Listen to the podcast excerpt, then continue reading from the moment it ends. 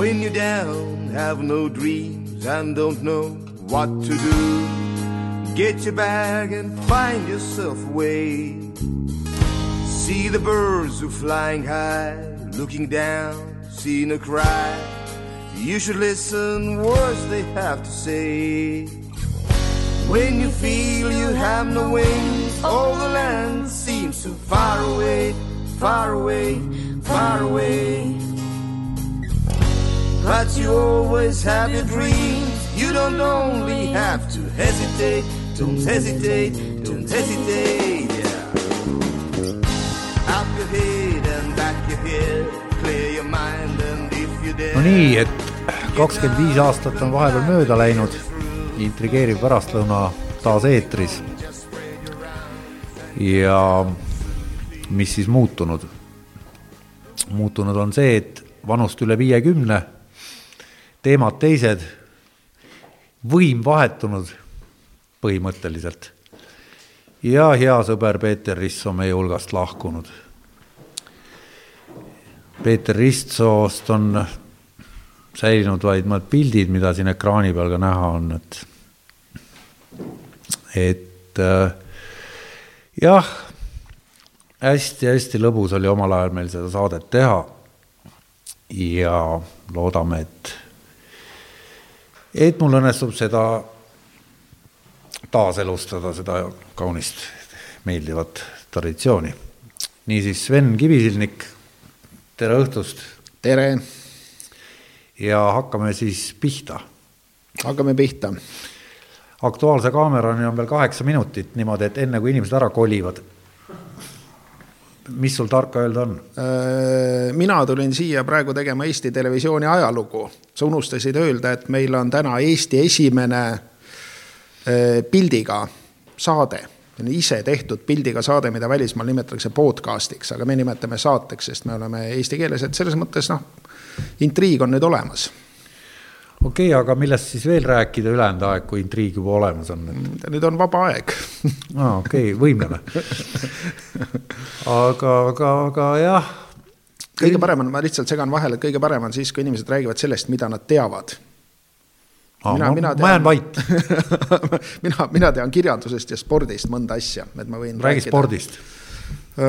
sport on tervisele väga kahjulik. sport on moraalile laostav ja see, see rikub tervise ära, jah kuis nii? no see on öö, sellepärast, et öö, kui inimesed tahavad öö, teha tervisesporti, siis nad teevad nii vähe, et sellest ei ole midagi kasu ja nad lähevad paksuks ja koledaks. aga kui nad teevad profisporti, siis nad jäävad vigaseks. okei okay., spordiosakond lõpetab. Läheme nüüd kirjanduse juurde. see oli vist teine teema, millest. jah, see on teine teema. kuidas sellega on? Sellega on äh, keeruline, sest spordist me alati saame aru, mis see sport on. no sportlane on äratuntav, tal on trussikud, maika, naglid aga, aga kirjanik tundub sihuke kahtlane, noh nagu välimuselt ei saa midagi aru. ja sealt algavad äh, hulk segadusi ja mis on kõige suurem segadus, on see ja milles mina näen sellise tänapäevase, no, no mida kirjanikust siis tänapäeval mõeldakse, mitte midagi või halba. ja, ja miks seda tehakse, see on sellepärast, et äh, kirjandus oli kunagi äh, äh, olümpiaala, sport. luulet-, luuletajad, antiik-Kreekas oli luule olümpiaala ja luuletajad võistlesid samamoodi nagu maadlejad või hüppajad või jooksjad. see oli spordiala ja kunstide olümpia oli veel enne teist maailmasõda oli olemas selline asi nagu kunstide olümpia ja seal Soome luuletajad olid päris kõvad, mitu Soome luuletajat tulid maailmameistriks või. no kes neist aru sai? ei no kes, ma ei tea, kuidas see, ma ise ei, ei ole viitsinud sellesse teemasse süveneda, aga, aga see on ajalooline fakt. no võib-olla tõlgiti kuidagi, ma ei tea, no seal oli muid asju veel, aga seal ainult luule ei olnud, aga luule oli igal juhul antiik-Kreekas nagu spordiala. ja tänapäeval, kuna luule on väga viletsas seisus, siis mina näen põhjust just selles, et need sportlased on loobunud võistlemisest, noh, ja kaotanud nagu elu mõtte. no kujutad ette, kui sa treial ja sa enam ei trei, noh, mis mainet või tulemust või, või, või väärikust sul saab olla. et selles mõttes kirjanikud on äh, spordist loobunud sportlased, kes on sellega noh, reetnud oma spordiala tähendab, sa räägid öö, nüüd öö, kui suurt äh, kirjanike hulka sa silmas pead, Eesti no, omi kui, või kui palju sa, kui omi? palju sa näed sportlasi olümpiamängudel või muudel spordivõistlustel? mitte ühtegi, järelikult ma räägin kõigist, nii palju kui neid on.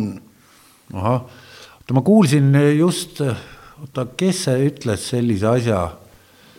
aa, see oli äh, see Nemo turniir hommikune, mis Ivo Linna teeb lastele ja seal oli niimoodi, et lasti ühte lõiku küsiti, kes räägib ja siis Kivirähk rääkis ja rääkis niimoodi, et et kirjanik on see, et kui ta ilmub ruumi ja ütleb, et äh, ütleb oma nime, siis kõik teavad, et ta on kirjanik, sest kõik teavad, mis ta on kirjutanud. et kirjanik ei ole see, kes lihtsalt arvab ise, et ta on kirjanik, kirjutab palju raamatuid, et siis ta veel ei ole kirjanik. mis sina sellest arvad? no mina arvan niimoodi, nagu Daniel Harmsi näidendis on, seal on, eks ole, on lava, lavale tuleb kirjanik ja ütleb tere, ma olen kirjanik, aga saalist tõuseb püsti tööline, ütleb, aga minu meelest oled sa pask nii, ja, ja siis? no nii ma mõtlengi Aa, sa okay. küsisid, mida ma mõtlen see on see, see on see, mida ma mõtlen, mul on klassikalised mõtted. okei okay,, kas sina oled kirjanik? jah, mina olen kirjanik. kui saalis tõuseb püsti inimene ja ütleb, et ta arvab, et sa oled pask. ja see ongi nii, tõenäoliselt arvab. kumb niimoodi. siis on? Äh, selle kirjanik, loomulikult nii ongi. kirjanikud on teinud väga palju oma mainele halba ja, ja inimesed halva arvavadki, et nad on pask. et see on õige, ega Harms ju seda välja ei mõelnud, see on ju elutõde. aga miks see niimoodi on, see põhjus on selles, et nad on renegaatidest sportlased, kes ei viitsi enam staadionile minna, ei viitsi pingutada, see on, see on fakt aga minu jaoks oli see, kui, kui seesama Nemo turniiri ma kuulasin ja, ja, ja siis see lause, et, et, et tekitas nagu selle küsimuse, et kes on see hindaja, kes ütleb, et. no see on, see on jutt, see on menukirjaniku jutt, eks ole, kes müüb palju raamatuid igal aastal muidugi vähem ja varsti jõuab ta nulli müüginumbrid igal aastal kukuvad. et eh, kui nüüd võtta Eesti, noh, noh, see on väga lihtne võtta nagu müügistatistika järgi, kes on kirjanik, siis on Eesti kõige kuulsam kirjanik on Barbara Cartland, sest noh, raamatukogudes laenatakse tema raamatuid palju rohkem kui Kivirähk. aga Erik Tohvri on minu arust. ja Tohvri on ka suurem kirjanik tõenäoliselt kui paljud teised aga kui nüüd võtta seda, et kas on mingit nagu sügavat mõtet lugeda Kartlandi või Tohvri raamatuid, siis ma väidaks, et ei ole. et sellepärast, et need on nagu suhteliselt nagu savi, mida nad kirjutavad okei okay,, aga jõuame siis selleni, et mis ei ole savi. et, et noh, kui, kui jah, et mida me nüüd, et kas me võtame seda, et spordiala ta ei ole, et kas kirjandus on siis majandusala ja vaatame müüginumbreid. aga kui me hakkame müüginumbreid vaatama, siis äh, kartulimüügiga võrreldes on ka Kartlandi müüginumbrid ja, ja Tohvri müüginumbrid siiski väga väikesed, siis kui müük on nagu kõige tähtsam näite, siis noh, kartul on parem kirjanik kui Kivirähk, sest ta müüb rohkem, igaüks on ostnud kartuleid. kartulid ei kirjuta ju no mis siis, aga need müüvad, kui müük on tähtis. okei okay,, meie jutt sõidab nüüd täiesti reltside pealt maha. ei, ei, see ei ole, see on väga tähtis, see on fundamentaalne küsimus, kas müük on tähtis argument ja kas inimene, kes müüb raamatuid, on kirjanik see, see on see, mida väga paljud arvavad ja väga paljud nagu Kivirähk väidavad. ja Kiviräha puhul, kes on hea kirjanik ja ka müüb hästi, on see asi okei okay,, tema ongi kirjanik. aga kui Kartland laenutab hästi ja Tohvri müüb hästi, siis kumbki ei ole kirjanikud. et see ainult selle, ei, kuidas ei lähe kaduma, et müük üksi ei, ei anna seda tulemust noh, müük on müügitehniline protsess, noh, oleme reklaamis töötanud, no igat asja, mis on enam-vähem nagu noh mingis kvaliteedis saab ju müüa. aga see ei tähenda, et ta on tippkvaliteet. nojah, aga siin me jõuame selle kakskümmend, kaheksakümmend või mis iganes numbreid nimetada reeglini, et et palju seda inimkonda üldse on, kes neid nõndanimetatud tippkirjanikke loeb. et kõik teavad neid, aga palju neid on, mis sa arvad, kes neid loevad ka no vot, ma ei oskagi kirjeldada. no sellised maailma nimed, noh, keda kõik teavad. ma arvan, ma, ma oletan, see on praegu hüpotees, mul ei ole statistikat, aga ütleme, muusikaäris on see selge.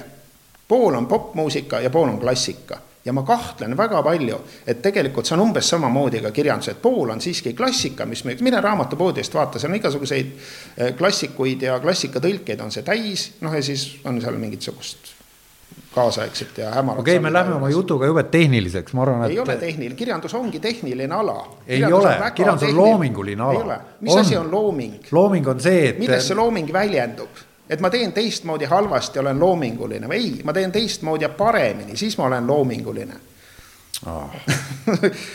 ei ole ühtegi, ühtegi nagu loomingulist kirjanikku, kel ei oleks tehnikat. on küll palju tehnilisi kirjanikke, kellel ei ole mitte mingisugust loomingulist elementi, aga ikkagi teevad niisuguse keskmise tulemuse ära.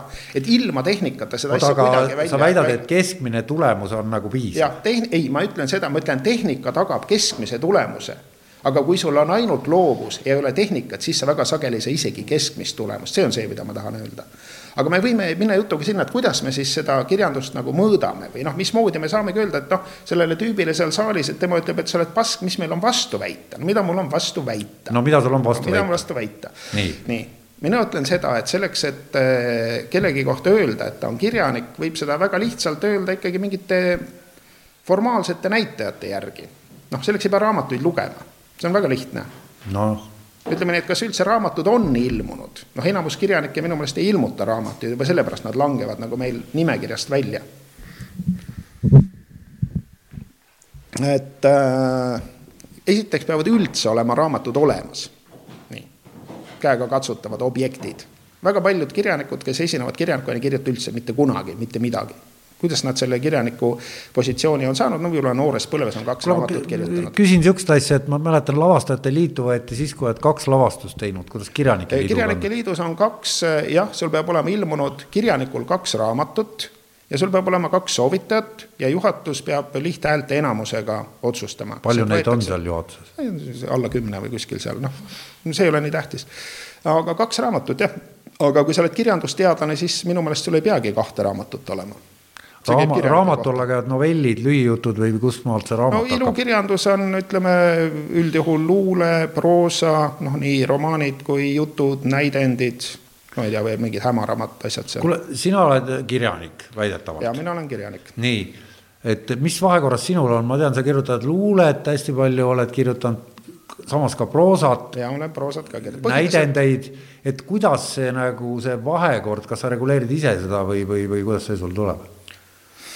No eks see elu on raske ja kindlasti on. tuleb, tuleb kirjutada seda, mida, mida kirjutada saab, et äh, vaata, kui sa oled luuletaja, on see eriti raske, ega su luuletusi ju kuskil nagu vaja ei ole. selle koha peal, et kas papp on oluline, et no, kas sa mõtled selle peale, et kui sa kirjutad, et, et ma nüüd kirjutan sellise raamatu, mis müüb, et ma saan raha, et ma saan osta endale, ma ei tea äh,, no, uue pesumasina. nii, nii rumal nüüd üks luuletaja ei saa enam täiskasvanuna olla, et kui ta nagu kirjutab luuleraamatut, ta siis nagu teenib sellega mingit üüratut pappi.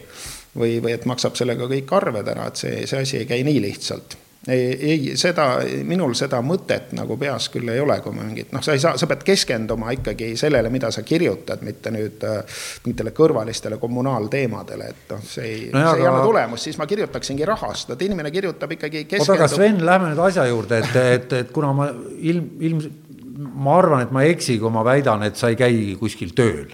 jah, ma ei käi tööl, mul on allergia. ja kui sa kirjutad, nii et sa üldse ei mõtle, mida sa kirjutad, siis sa väidad, et, et see, mis nii-öelda ma ütlen, mõtlemisest seda raha juurde ei tule, ma võin sellele mõelda kakskümmend neli tundi ööpäevas. see, mõtlen, see ei anna et... seda, seda sugugi juurde. aga kui ma mõtlen kirjutamise peale, siis kirjutamise tulemus võib küll paremaks minna aga sa ei ela ära ju kirjutamisest? no enam-vähem ikka kuidagi elan. tähendab, oma raamatute müügist elad ära? ei, mitte müügist. kirjanikel meil on ju niisugune suurepärane pehme ühiskond, mis äh, vastavalt põhiseadusele peab tagama keele, kultuuri ja rahva niisuguse kestmise aegade lõpuni. ja siis selle kestmise raamis on olemas meil või, või, või raames on meil olemas Kultuuriministeerium, kes annab raha Kultuurkapitalile noh, Kultuurkapital siis äh, annab välja stipendiume kirjanikele, need no. stipendiumid nimetati ümber loometoetusteks sellepärast et mingid sportlased skeemitasid mingite stipendiumitega, ühesõnaga, ühesõnaga seal on mingi muu nimi seal stipendiumil, no ühesõnaga mingi nimi. no praegu siis... pandi mingi viisteist nägu juurde, ma lugesin, et, et, et Sa..., et kes saavad tuhat nelisada mingisugune euri kuus selle eest, et nad kirjutavad raamatuid. Need on ülikud, need on need, kes on kirjaniku palgal, mina räägin nendest umbes kolmekümnest, kes, kelle hulka mina kuulun ja kes saavad Kultuurkapitalilt üheaastast äh, seda loometoetust iga kuu viissada. mis õigusega? no tugevama õigusega kirjutan paremini. palju on Eestis kirjutan, kirjanikke äh,? täpselt ei tea, Kirjanike Liidu liikmeid on umbes kolmsada. ja Nii. neid Kultuurkapitali si- sina stipendiume kuulud selle kümne protsendi hulka kellele antakse pappi aga ma ei kuulu selle, selle ülikonna hulka, selle viieteist või kümne hulka, kes saavad seda palka. noh, see umbes, mis oli enne tuhat ja nüüd on tuhat nelisada või midagi sellist okay.. Et selle hulka ma ei kuulu. sellega elab juba ära ju selle tonni sellega elab ära küll, aga no ma ei ole ka ära surnud selle viiesajaga. muide, see viissada on alles suhteliselt värske nagu sihuke kõrgem level, et ta enne oli kolmsada midagi paari aasta eest, ütleme võib-olla kolme aasta eest. et see on ja, ja siis lisaks sellele on veel, on olemas Kirjanike Liidu. Need võib-olla on need stipendiumid või on need ka loometoetused, ma ei tea, ühesõnaga Kirjanike Liit ju vastavalt äh, loomeliitude seadusele saab pearaha riigilt ja siis selle pearaha eest osa raha antakse ka mingiteks äh, noh, ka umbes selliseks viiesaja, viiesaja euroseks asjaks. aga sel, see on väga hea asi, see, mida Kirjanike Liidult saab, sest sellega makstakse ära ka sinu sotsiaalmaks ja kirjanike palgaga ka. aga sellel, mida mina saan, seal sotsiaalmaksu ei ole, selle pead siis noh, aga sul haigekassat pole siis või? selle eest ei saa, ma, ma ei ole aga kus sa rikas. saad, mismoodi siis? No ma teen trenni, et noh, lihtsalt olla nii tugev, et ei jää haigeks. Ei no ära nüüd aja sellist ongi noh., see ongi nii, see on reaalselt nii, mis mõttes no kui sa jääd trammi alla, kurat, võtaks sind lohistatakse ei no vältimatut abi ma saangi, ei, vältimatut abi ma peaks saama seaduste järgi. no kui, noh, kui seaduste järgi. ja seaduste järgi peaksin saama vältimatut abi, aga jah, haigekassa. Mis on vältimatu? Kui vältimatu kust mina tean, ma ei ole rongi alla jäänud. miks? miks, no näed, ei ole vedanud, ei ole vedanud nii palju. nojah, kirjand-, kirjandus jah, ei no see on täitsa hea, minu arust viissada on jube hea saada. sest eh, kui seda ka ei saa, see on ikka jube sitt. Ei ma mõtlen, et idioodi pension on ka umbes sama su- suur, et, et kas need on võrreldavad spordialad no aga on, on, kui, kui On, on, on, küll, on, on küll., okei okay., kuule, aga sa oled maailmameister, et, et, jah, kahekordne. et hakka nüüd ennast kiitma, räägi, kuidas see käib. ei viitsi rääkida, see on, ma, ma, kui ma viitsi rääkida, siis me ütleme maailma, maailmameistri asjast, ma räägin teiste maailmameistritega, et need saavad aru. okei, no see on, see on viis, viis tundi kuni üheksa tundi trenni iga päev. aga millal sa kirjutasid, kui sa arvutis kogu aeg passid? Ma ei, mis, ma tegin füüsilist trenni viis kuni üheksa tundi päevas, arvutis oli viisteist tundi, kui olid lahingud. see on teine asi, selleks, et sa suudaks viieteist tunnist lahingut pidada, pead sa olema tugev nagu karu. Oota, aga siis- istu viisteist sa- tundi siin laua taga. ei oota, viisteist tundi, jääb üle üheksa tundi magamiseks ja kirjutamiseks ja trenniks ega siis võistlused maailmameistrietapid ei ole iga päev, need olid seal noh, mingil ajal. sa paned amfetamiini ja ei maga või? Kuidas see üle, mismoodi, mismoodi see käib, ma, ma ei, adrenaliini peal käib see asi, see käib ämbritäie adrenaliiniga, see lihtsalt, see on nii võimas. aga kuidas see kirjutamisega seostub? no see ei seostugi kirjutamisega, see lihtsalt sa kas kirjutad või, või teed sporti. aga kui sul vahepeal on selline periood elus, kus su noh, nagu seda kirja, kirjust, kirjutamistegevust mingil põhjusel ei rahastata, sa pead ju midagi tegema, siis sa teed sporti. Mhm. vot, mul oligi selline periood elus ja siis ma tegin sporti. no selge ja mm -hmm. ja mis on väga tore. mind huvitab selline teema, et äh, kuidas Eestis jaguneb, ütleme siis müügi edetabelindus mm -hmm. žanrite järgi. et kui võtta noh, kui minna kuskil välismaal raamatupoodi, vaadata, mis on seal välja pandud, siis mind hämmastas väga Inglismaal, kui olid äh, kõige suuremas foili raamatupoes olid trepid ääristatud Harry Potteri raamatutega, kusjuures kuuekorruseline raamatupood mm -hmm. ja need olid justkui tõstetud täielikult nagu esiplaanile et äh, kas see on mingisugune sündroom, mis selle kohta ütled? no Eestis, Eestis on vist natuke teistmoodi, ma ei tea, eks siin tõstetakse ka esile, need Potterid vist on nüüd otsas, ma ei tea, neid nagu enam juurde ei tule, ma ei tea, kui palju neil õnnestub müüa neid, praegu nad kuskil edetabelis minu arust Eestis ei ole.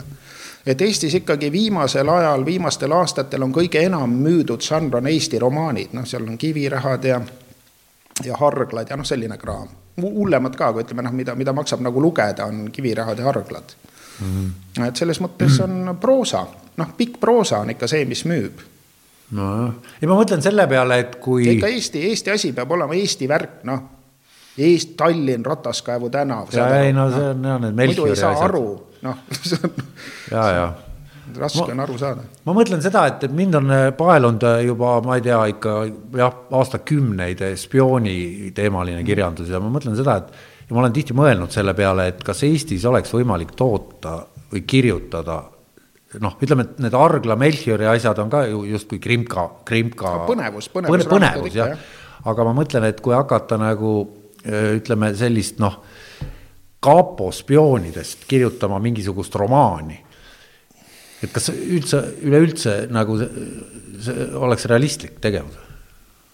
no ma, ma arvan, et igal teemal saab ju kirjutada, no miks mitte, teoreetiliselt on ju noh, luurajad on ikka luurajad ja ilmselt teevad midagi põnevat ja kui inimene, kes oskab kirjutada, noh ja valdab seda teemat mingil määral või vähemalt on välismaa välismaa raamatuid lugenud. no okei okay,, no mäletad seda Anvelti Punase elavhõbeda raamatut? ma ei ole lugenud, ma tõesti ei tea no,. mina lugesin no., film tehti ka sellest. no siis on küll hästi jah, see on kirjaoskamatute keelde ka tõlgitud, siis peaks ju väga hästi minema. ei, ma just mõtlengi, et, et et kas meil, kuna meil on nii väike keeleruum, et kas meil on see žanri, ütleme siis nimekiri piiratud? ma ei tea, siin on ikka palju nagu kuidagi selles nagu traditsioonis kinni, ega Soome ei ole ka nüüd ju mingi imesuur keel aga kui sa oled Soome mõnele raamatumessile, siis seal on ikka igal suurel kirjas, seal on mingisugune, ma ei tea, no vähemalt pool seda seina on mingeid nende dekkareid nagu täis. et neil on kombeks, noh, inimesed loevad Soome mingisuguseid krimiasju ja, ja loevad ja kirjutavad ja kuidagi see läheb hästi ja, ja Euroopa kõige enam müüdud äh, kirjandustooted on ju Skandinaavia kriminaalromaanid oota, kas see Scandic Noir on nüüd läinud äh, nagu edetabeli tippu? see oli mingi, mingid aastad tagasi oli Euroopa kõige enam, no see lohe tra-, mis no lohe, lohe, lohe, lohe, lohe, lohe, jah, just need. sellele keegi teine kirjutas veel midagi otsa sinna. lohe ja lohe. see suri ise ära ja siis no, keegi teine kirjutas edasi. no müüs nii hästi, et pidi tootma. no Jänkid tegid isegi ka filmi sellest. kõik on tehtud, et, et sellised asjad ikka müüvad no.. aga Eestis ei ole kombeks nagu väga ju krimi asju kirjutada, et meil ei ole seda põnevus. no minul on endal teooria on selline, et Eesti kirjanik on liiga ülbe noh, et kirjutada nagu midagi sellist, mida inimesed tahaksid lugeda või võiksid lugeda, noh, mis võiks, mida võiks pidada meelelahutuseks või, või millekski selliseks, et. et ma mäletan, see, see Vene ajal öeldi seda ikkagi otse välja. eelmise okupatsiooni ajal kriitikud ikkagi, kui mõni noh, kui näiteks Enn-Kaarel Hellat kirjutas Naiste maailma või midagi sellist, noh, see oli selline ulmeraamatulaade asi, et siis ju ta sai kohe mööda pead, et pole tõsine kirjanik ja nii ja naa ja. aga mulle tundub jälle niimoodi. ma arvan, et see meelsus on alles, et kirjanike hulgas on ikkagi see, et kirjanik on nii püha tüüp, et tema nüüd midagi sellist, mida inimesed võiksid lugeda, küll kirjutama ei hakka nojah, aga mingit tõsist sihukest eh, kriminaalset narratiivi vedada, nii et see välja ka kannab, on palju keerulisem kui mingit sümbolistlikku jura ajada, kus on noh, eh, kus on sihuke poeesia ja justkui mingid kujundid ja kus eh, keegi kurat aru ei saa, mis toimub, aga kõik üritavad teha nägu, et, jälle palju toimub. Tammsaare Põrgupõhi uus vanapagan on kõige ehtsam sümbolistlik romaan, minu meelest ei ole sellest raske aru saada, minu arust on seal täitsa okei okay kujundid ja minu arust on see jube hästi kirjutatud ja pealegi on see veel põnev nojah, vaata nüüd me jõuame sinnamaani. et, et, et see ikkagi võib nii olla, et noh, sihuke noh, hästi kirjutatud ja, ja kasvõi sümbolistliku romaani pähe ikkagi töötab väga hästi seal ju ikkagi lõpuks on ju. kas sa paned Le Carre ja Tammsaare kõrvuti, siis kumma sa ennem haarad, kui sa reisil lähed, et, et no, nagu. mina kaasa. vist isegi võtaks Tammsaare. päriselt? jaa, tõsiselt. sest see on mul üks lemmikraamatuid okei okay. aga sa oled üldse Eesti kirjanduse fänn, ma saan aru? ei tea midagi, mul on ikka neid igasuguseid lemmikuid, aga, aga noh, ma ei tea, kuidagi nii tore on mõelda, et on üks sihuke väike rahvas ja kirjutab nii lahedaid asju no.. No, see on täielik müstika, see ei ole statistiliselt nagu kuidagi nagu arusaadav, mis siin toimub. see ei, see ei peaks nii olema nojah, sellist riiki ei peaks olema no teoreetiliselt. see on nagu alati öeldakse, et mingid nagu New Yorgi taksojuhid oleks oma riigi teinud ja siis veel oma kirjanduse ka takka otsa, seda riiki kujutad ju veel kuidagi ette, aga, aga no mingit, mingit korralikku kirjandust nagu. aga kirjandusel on lihtsalt see paha asi, et, et ma olen ikkagi pärit nagu teisest ajast ja teisest kultuurist, kus noh, üks teine võõrvõim nagu kaitses oma sellist noh, nagu porukat ikkagi, mitte ainult nagu, nagu püssitäekidega, vaid noh, ütleme sihuke noh, kirjanduse turg oli ju ka kaitstud, üldse igasuguse vaimse kraami turg, üks asi oli tsensuur, eks ole, et igast kahtlast ollust üldse turule ei lastud. seksi ei, religiooni asju ei, no vägivald võis muidugi olla, kui see oli revolutsiooni ja sõjateenistuses ja klassivõitlust, anna nii palju, kui tahad. ja, ja no, oli väga selge, mida võis ja lääne progressiivseid autoreid noh, võis ka tõlkida, isegi natsionaalsotsialisti võis nagu välja anda, kui ta oli nagu noh, nagu piisavalt sotsialistlik, näiteks see on ju hea, hea noh, selline mälumängu küsimus, et milline natsionaalsotsialist on vene keeles välja antud, noh, nii et on ikka välja antud äh, kogutud teosed. ainult üks, Jack London. Sest ta oli, ta, oli progressiivne natsionaalsotsialist. Ja progressiivseid kirjanikke võis välja anda, need anti välja täiega. et noh, piirid olid hästi kitsalt kinni. Ja, ja selles ajas noh, kuidagi nagu no, sai konserveerida selle eesti kirjanduse, noh ütleme, neljakümnendad, viiekümnendad oli ju rõve aeg, noh, see sotsrealism, mida siis nagu tuima näoga tehti ja ilmselt noh, midagi muud väga teha ei saanudki.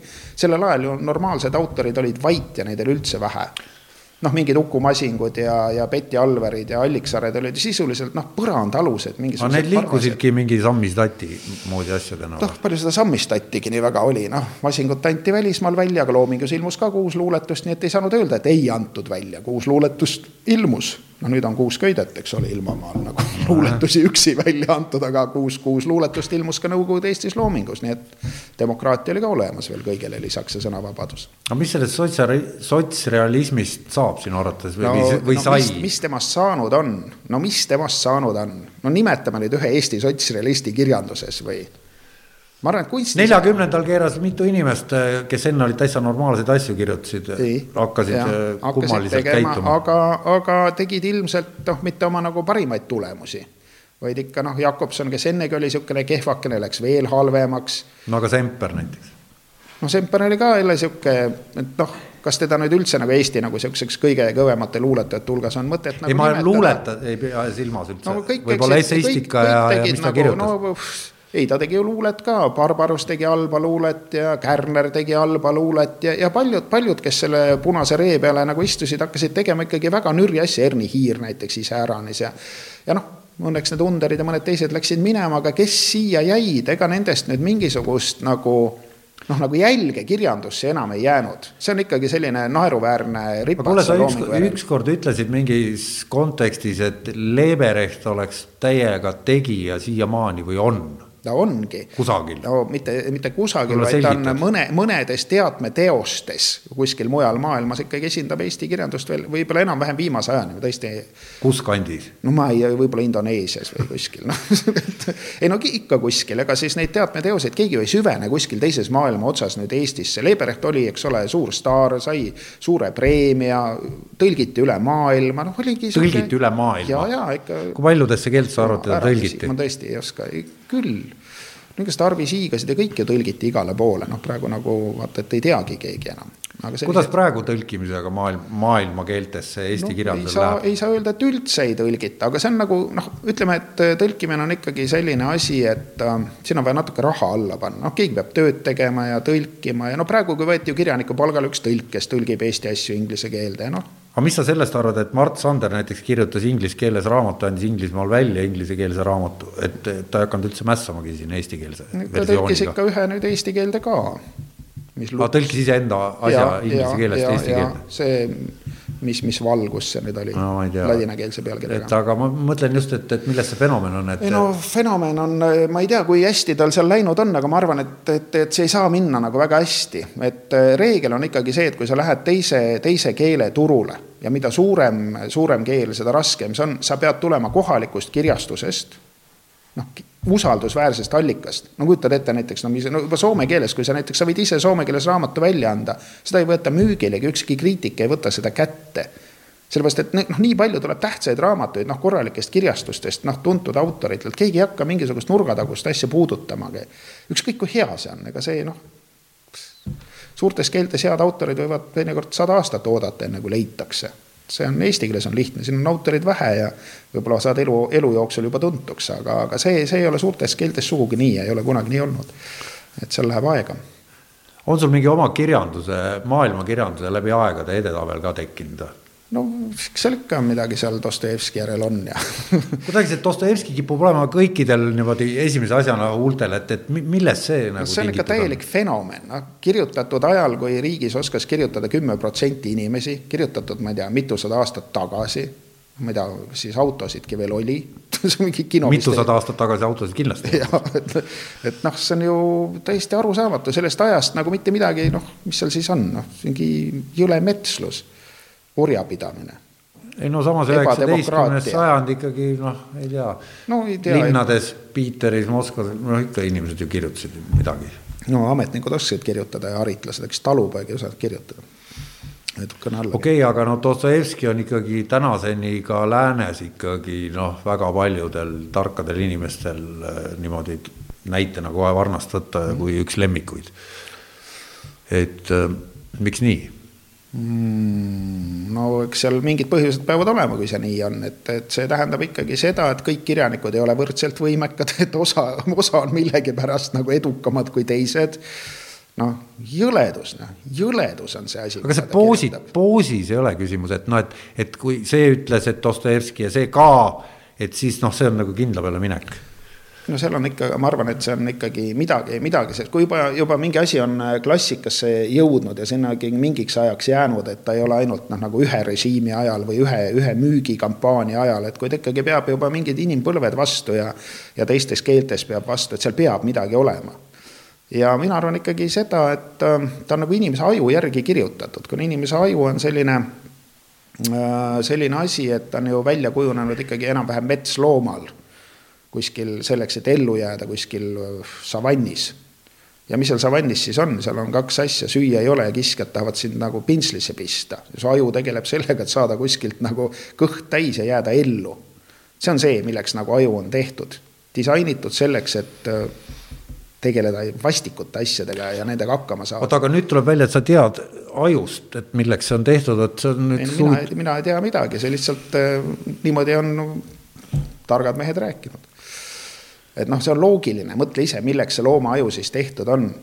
see on selleks, et ellu jääda ja, ja selleks te, peab loom tegelema ebameeldivate asjadega, Dostojevski tegeleb ainult ebameeldivate asjadega, mida tegelikult meie linnaelus ju enam ei ole. noh, linnas, mis on, tuba on köetud, lähed poodi, ostad süüa isegi kirjaniku stipiga võid kuskil tulgilaost midagi osta. noh, pole hullu, tuba on ikkagi soe ja kaltserist ostad Armani selga ja lähed. no aga Dostojevski poolt ka noh, ütleme tänapäeva mõistes rändas ringi, oli Saksamaal, mängis kasiinodes, no et, et mingid pappi tal ju ringles no,. pappi tal ei olnud midagi kogu aeg. aga kust ta sai siis? no ma ei tea, laenas, võttis avanssi. aga see pole tähtis, tähtis on see, et ta kirjutas jõledustest. noh, väikeste tüdrukute vägistamisest ja sellistest asjadest et. Äh, no see ei ole küll põhjus, miks ta nii äh, noh, paljudele meeldib. ja väga, just sellepärast meeldibki just sellepärast meeldibki, ta kirjutab nagu esiteks nagu, ega ta ju mingi stiilimeister ei olnud. et või? ja, ja tal on haruldselt halb stiil või sihuke noh. mis mõttes? no puine keel, no sihuke vilets, teised kirjutasid kõik paremini, tema oli sitt kirjanik, noh. jaa, see oli nagu noh, kirjutas mingit jama, noh oota, aga. halvasti jama. oota, oota, oota. Shortside kohta kirjutati, et see on mingisugune paskvill, mingisugune pamflett, kus ta oma vaenlasi nagu alavääristas ja sõimas põhimõtteliselt. aga, aga ma ütlen, ma tahan ikka selle jutuga nagu sinna jõuda välja, et äh, kuna inimese aju on tehtud selleks, et äh, tegeleda igasuguste jõledustega ja kuna Dostojevski tegeleb jõledustega, siis ta on nagu inimese aju järgi kirjutatud, see sobib inimese ajule see on see, see, sinu aju, see on sinu aju jaoks nagu disainitud. ma mõtlen praegu nagu selle peale, et ma jõudsin hiljuti vaatama niisugust dokki Conan Doyle versus Sherlock Holmes ja, ja seal oli selle filmi nii-öelda teema seisnes selles, et, et äh, Conan Doyle jäi omaenda tegelase varju ja, ja siis seal oli ära toodud mingi statistikat, kui palju peale Doyle'i surma on seda Sherlockit ekspluateeritud ja, ja, ja, ja ongi kõige rohkem ekspluateeritud üldse vist nendest äh, tüüpidest, noh, detektiividest mm. -hmm. et, et, et ma mõtlen seda praegu, et, et need on nüüd täiesti kaks erinevat tegelast, Dostojevski ja Conan Doyle. et ja kindla peale on Conan Doyle'i rohkem loetud kui Dostojevskit ja kindla peale on rohkem inimesi öelnud, et Dostojevski on nende lemmikkirjanik kui Conan Doyle'i kohta. et, et mulle tundub, et kirjanduses on hästi palju sellist noh, kuidas öelda, nimedega žongleerimist või, või mingi mulje avaldamist või endast mulje jätmist ja mingisugust sihukest pseudojama.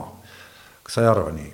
no muidugi on, muidugi on aga, aga ma ei oskagi, ma ei oska sulle öelda, kuidas nüüd, võib-olla tõesti, võib-olla tõesti on Conan Doyle'il rohkem lugejaid kui, kui Dostojevskil aga tema tegeleb ka ikkagi niisuguse elu pimedama poolega, Moriartid ja igasugused. no see tuli alles viimases raamatus. no üldiselt on tal ikkagi igasugused kurjategijad, vabamüürlased ja, ja kes seal kõik on, eks. Baskerville ja koer. ja igasuguseid, noh, üldiselt tegeleb ta ikkagi kriminaalse ollusega ja tema peategelane on narkomaan ja psühhopaat, mitte mingi tore inimene.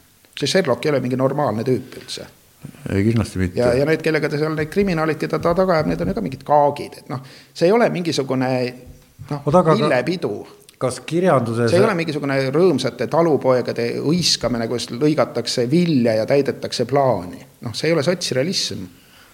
kõlab nagu reklaamitööstuse lipukiri, et, et noh, et, et halb reklaam on ka reklaam, et, et, et halb uudis müüb ajalehtedes teadupärast paremini kui hea uudis, et kirjandusega tundub, see on sama lugu, et, et kirjuta, kirjuta sama... tapmisest ja võimalikult palju on, ja müüd paremini. no eks seal on veel mingid tehnilised konksud ka juures, aga, aga jämedas joones on see nii jah. et kui arvatakse, et kirjandus on mingisugune ilus ja tore asi, siis see ikkagi, noh, see eduka, lugeda neid nagu kuulsaid raamatuid, võtta kasvõi maailma kõige suuremad armastuslood, noh, kuidas lõppes Romeo ja Julia. kaks laipa, noh, hakka neid võtma, võta kõik need kuradi ükskõik, ükskõik millised kuulsad armastuslood, need lõpevad üldiselt mingisuguse tapatalguga no lihtsalt need on ajast. Trooja linn põletatakse maha või, või noh, on tarvis kindlasti mida, midagi taolist, et see, see ei ole nii noh. ühesõnaga ei ole tegelikult, ma tahan jõuda sinna jälle jutuga, et eh, kirjandusest me ei leia nagu sellist suurteost mis kirjeldaks sellist noh, nagu sotsrealism ülistas, üritas nagu teha selliseid õnnelikke inimesi, kes elavad õnnelikus ühiskonnas kellel läheb hästi ja veel paremini ja tegelased on head ja veel paremad. no okei okay,, ja mõni metsavend siis saab kuuli kuklasse ja kohe on kõik korras. et äh, ei ole sellist, selliseid noh, no võtame kasvõi üks kõige vanemaid ja kõige ülbemaid nagu kirjandusteoseid, mis on mul ka absoluutne lemmik, kuningas Oidipus. milles on lugu? tegelane kepib oma ema, tapab oma isa, siis torkab omal silmad välja ja noh, ja no, nii edasi. miks ta su lemmik on? No sellepärast see on nii fucking lahe selline faabula on lahe ääretult lahe, see on inimese aju, minu aju järgi kirjutatud täpselt. no sobib nagu müts pähe. okei okay,, mida sa lapsepõlves siis lugesid? Dekamerooni ja piiblit väga jõledad raamatud on mõlemad. nii et äh, ei ole midagi kurta, ma olen nagu hea kirjanduse peal kasvanud. minul vanemate, vanavanemate juures küll Dekamerooni ära ei peidetud kuskile no ma ei tea, musta pesu taha, see oli ikka raamaturiiulis teiste kõrvale, kuna seal olid pildid, siis. seks pesu vahel. et mulle nagu meeldisid lapsena ikka piltidega raamatud ja siis loed piltidega raamatuid ja väga hea oli. Šveik ja kõik sellised piltidega raamatud väga hästi sobisid. nojah. mis sul endal praegu käsil on kirjutamises? Siin käsil on, ma siin äh, üritan kirjutada valuraamatu üheksandat köidet, aga, aga põhimõtteliselt. oota nagu,, mis, oota, ütle uuesti. valuraamatu üheksandat köidet, mul on selline sari luuleraamatuid, valuraamatud, ilmunud on kolm köidet, esimene, teine ja kolmas köide. esimene oli äh, Liivlased ja saurused Mm -hmm. mis äh, kirjeldas seda, kuidas eestlased välja surevad ja siis tegevus või sihuke noh, ta on nagu sihukene poeemilaadne asi Vana-Pärnu kalmist on nagu see keskkond, kus me siis noh, mulle meeldib see koht lihtsalt, surnuaed, mulle meeldib see. ja siis sõber Andres Adamsoniga me käisime seal, tema pildistas seda, raamatus on ka pildid, pildiraamatele, pildid on väga tähtsad, sest meil on pildiaju, nii. ja, ja, ja siis äh, see on nagu minu vaade sellest väljasuremise asjast, seal on ikkagi, et noh, liivlastele järgi ja liivlastest mööda on see ideoloogia. Äh, teine köide oli Soari evangeelium, see on siis selline postapokalüptiline düstoopia, kus üks Eesti, Eesti usuhullude nagu juht on nagu no ühesõnaga tema see usuhullude seltskond on nagu saanud maailmas nagu noh, nagu nii, nii mõjukaks, et põhimõtteliselt ta nagu, see tema rüüsterhetked nagu käivad nagu ümber maailma ja noh, ühesõnaga ta nagu teeb kogu sellele kammile lõpu. hästi sihuke suurejooneline, verine nagu veri, no see asi läheb nii, ega see. ma mäletan, kui sa kirjutasid selle. see on Navitrolla piltidega, ma rõhutan. Soari evangeelium on Navitrolla illustratsioonidega, see oli teine köide. ja, ja kolmas köide on siis inimsööja taksojuht, noh ka selline nagu siuksed leebed teemad. oota mis..., kuidapidi see käändes on nüüd, inimsööjal on taksojuht või taksojuht on ise inimene? ja, ikka nii ah,, okay. jah see on nagu, mulle ei meeldinud see mõte, meil on ju see kannibal Anni, kes sõi taksojuhil perse ära oota, kellel tema, meil? no Eestis on sihuke kannibal. oota, räägi. Vene ajal püüti ka. kinni, ma ei tea, kas ta poos ennast ise vanglas üles ja tema naine pandi ka vangi selle eest, et ta seal praadis neid inimesi, midagi taolist. ja see naine on äh, mingi koleda raamatu ka veel kirjutanud, see on olemas. et äh, Anni ise ei kirjutanud, aga Anni naine on kirjutanud raamatu aga ühesõnaga, et taksojuhi söömine ja minule nagu see üldse, minu arust see on nagu, see oli nüüd, maailm on loodud küll enam-vähem okeilt, aga see, et mingisugune taksojuht ära süüakse, see minu arust ei sobi. minu meelest takso, taksojuhid peaksid sööma, see oleks loogiline. et sa lähed taksosse ja ei tea, kas sind nüüd tuled välja sealt taksost või ei tule et see on nagu, ma tahtsin nagu selle inimestele nagu selle elamuse nagu edasi anda, et noh, kui nad taksoga sõidavad, siis esimene asi neile, et see tüüp seal on kannibal seal rooli taga. See, noh, mis, mis on luule või üldse kunsti eesmärk, panna inimesele nagu mingisugune tegelikkusest mingisugune teine vaade, et nii kui ta läheb taksosse, selge, olen nüüd siin kannibalismi keskuses see asi läheb nüüd nii, et see. aga ütle, kas sinu jaoks on kunsti või, või kirjanduse eesmärk on seleta uuesti, tähendab, sa ütled teine vaade. Tähendab, see ongi eesmärk, mitte, mitte see, et viia mingit informatsiooni, mida tal veel ei ole, anda talle või luua mingit emotsiooni eh, lugemise ajal, ütleme reaalajas, kui ta loeb, nagu minu puhul krimkadega. et, et kas.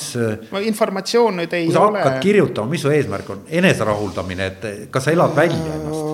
See rahuldamine käib teistmoodi, aga ei, äh, eks ta ikka, kui sa teed midagi suurepärast, siis sul on pärast ju väga lahe olla. loomulikult, et see käib, äh, käib nagu kunsti tegemise juurde mu meelest, aga ei, ma olen ikka sellest äh, jah, sellest luulevärgist niimoodi aru saanud, et, et see on see on ikkagi maailma tihendamine, see on nagu gloobuse tegemine, sa pressid selle maailma nagu niisugune väikseks kokku või noh, hästi lühikeseks tekstiks, mis tegelikult kirjeldab maailma nagu küllalt hästi et kui see õnnestub ära teha, siis on luuletus tehtud, et see ei ole ilusate sõnade tegemine või, või mingite stiilide jäljendamine või, või enda meeleolude edasiandmine, ei ole, see on, see on maailma, noh, maailma kokkupressimine okay,. mida, mida, mida sa eepostest arvad? No eeposed on väga lahedad, kui nad on hästi tehtud, ma ise ikka kirjutan ka vahel mõne seleta võib-olla äh, lahti. ma olen, esimene eepos, mille ma kirjutasin, oli Kalevipoeg. sina raamatu. kirjutasid? jaa, mina kirjutasin mm.. esimene Eestis kirjutatud rahvuseepos Kalevipoeg on minu kirjutatud. Kreutzwald kirjutas lihtsalt teose Kalevipoeg, aga minu raamatu pealkiri on äh, rahvuseepos Kalevipoeg ehk armastus rahvuseepos Kalevipoeg mitte suvaline Kalevipoeg. ei, seal on tõetera sees, sest see on, see on selline raamat, kus on aluseks äh, ikkagi suhteliselt nagu sihuke rahvaehtsam nagu materjal, ega ma ikka töötasin ju ka noh, üles kirjutatud selle sogaga, mida rahvas nagu rääkis, aga, aga ma valisin noh, ütleme, kui Kreutzwald proovis ikkagi Äh, sellist rüütliromaani teha, valida õilsat materjali, siis mina mõtlesin just äh, teistpidi, vaatan just sellist nagu, nagu totramat ja idiootlikumat materjali, mis on võimalik Kalevipoest saada ja mis näiteks noh, Kreutzwaldile ei sobinud, aga samas ta on täpselt sama materjal täpselt sama rahvas, täpselt samast tegelasest. et ma väga soovitan, kui keegi viitsib lugeda, et meil on olemas äh, kolm väga uhket akadeemilist väljaannet muistendid Kalevipojast, muistendid Vanapaganast ja muistendid Suurest Tõllust ja teistest. suured, siuksed korralikud, Kalinguris, kuskil ma arvan, et võib-olla viiekümnendatel välja antud väga-väga uhke, ma usun, raamatukogudest saab neid kätte ja kuskil, kuskilt nii, et, et väga-väga äh, vinge materjal. Pal, palju huvitavam kui Kalevipoeg ja veel Kalevipoe juurde, et kui, kui Kalevipoeg näiteks peaks kellelegi meeldima või otse vastupidi ei meeldi, siis August Annistil on niisugune nagu tuhat lehekülge, niisugune teos Kalevipojast kuidas on kirjutatud, miks on kirjutatud, iga laul on lahti võetud, kas see on tal seal sellest luuletusest või sellest rahvalaulust. noh, see on nii hästi analüüsitud ära, et noh, kui tõesti mingi huvi on näiteks Kalevipoega nagu see Kalevipoeg ise tundubki nagu sogane. aga kui loed selle Annisti nagu selle analüüsi läbi, ta on ikka tõelise nagu sihuke noh, tuhat lehekülge eksegeesi. noh, kõik ei ole nagu eksegees, see üks osa on sellest, kolmandik on umbes tekstianalüüsi.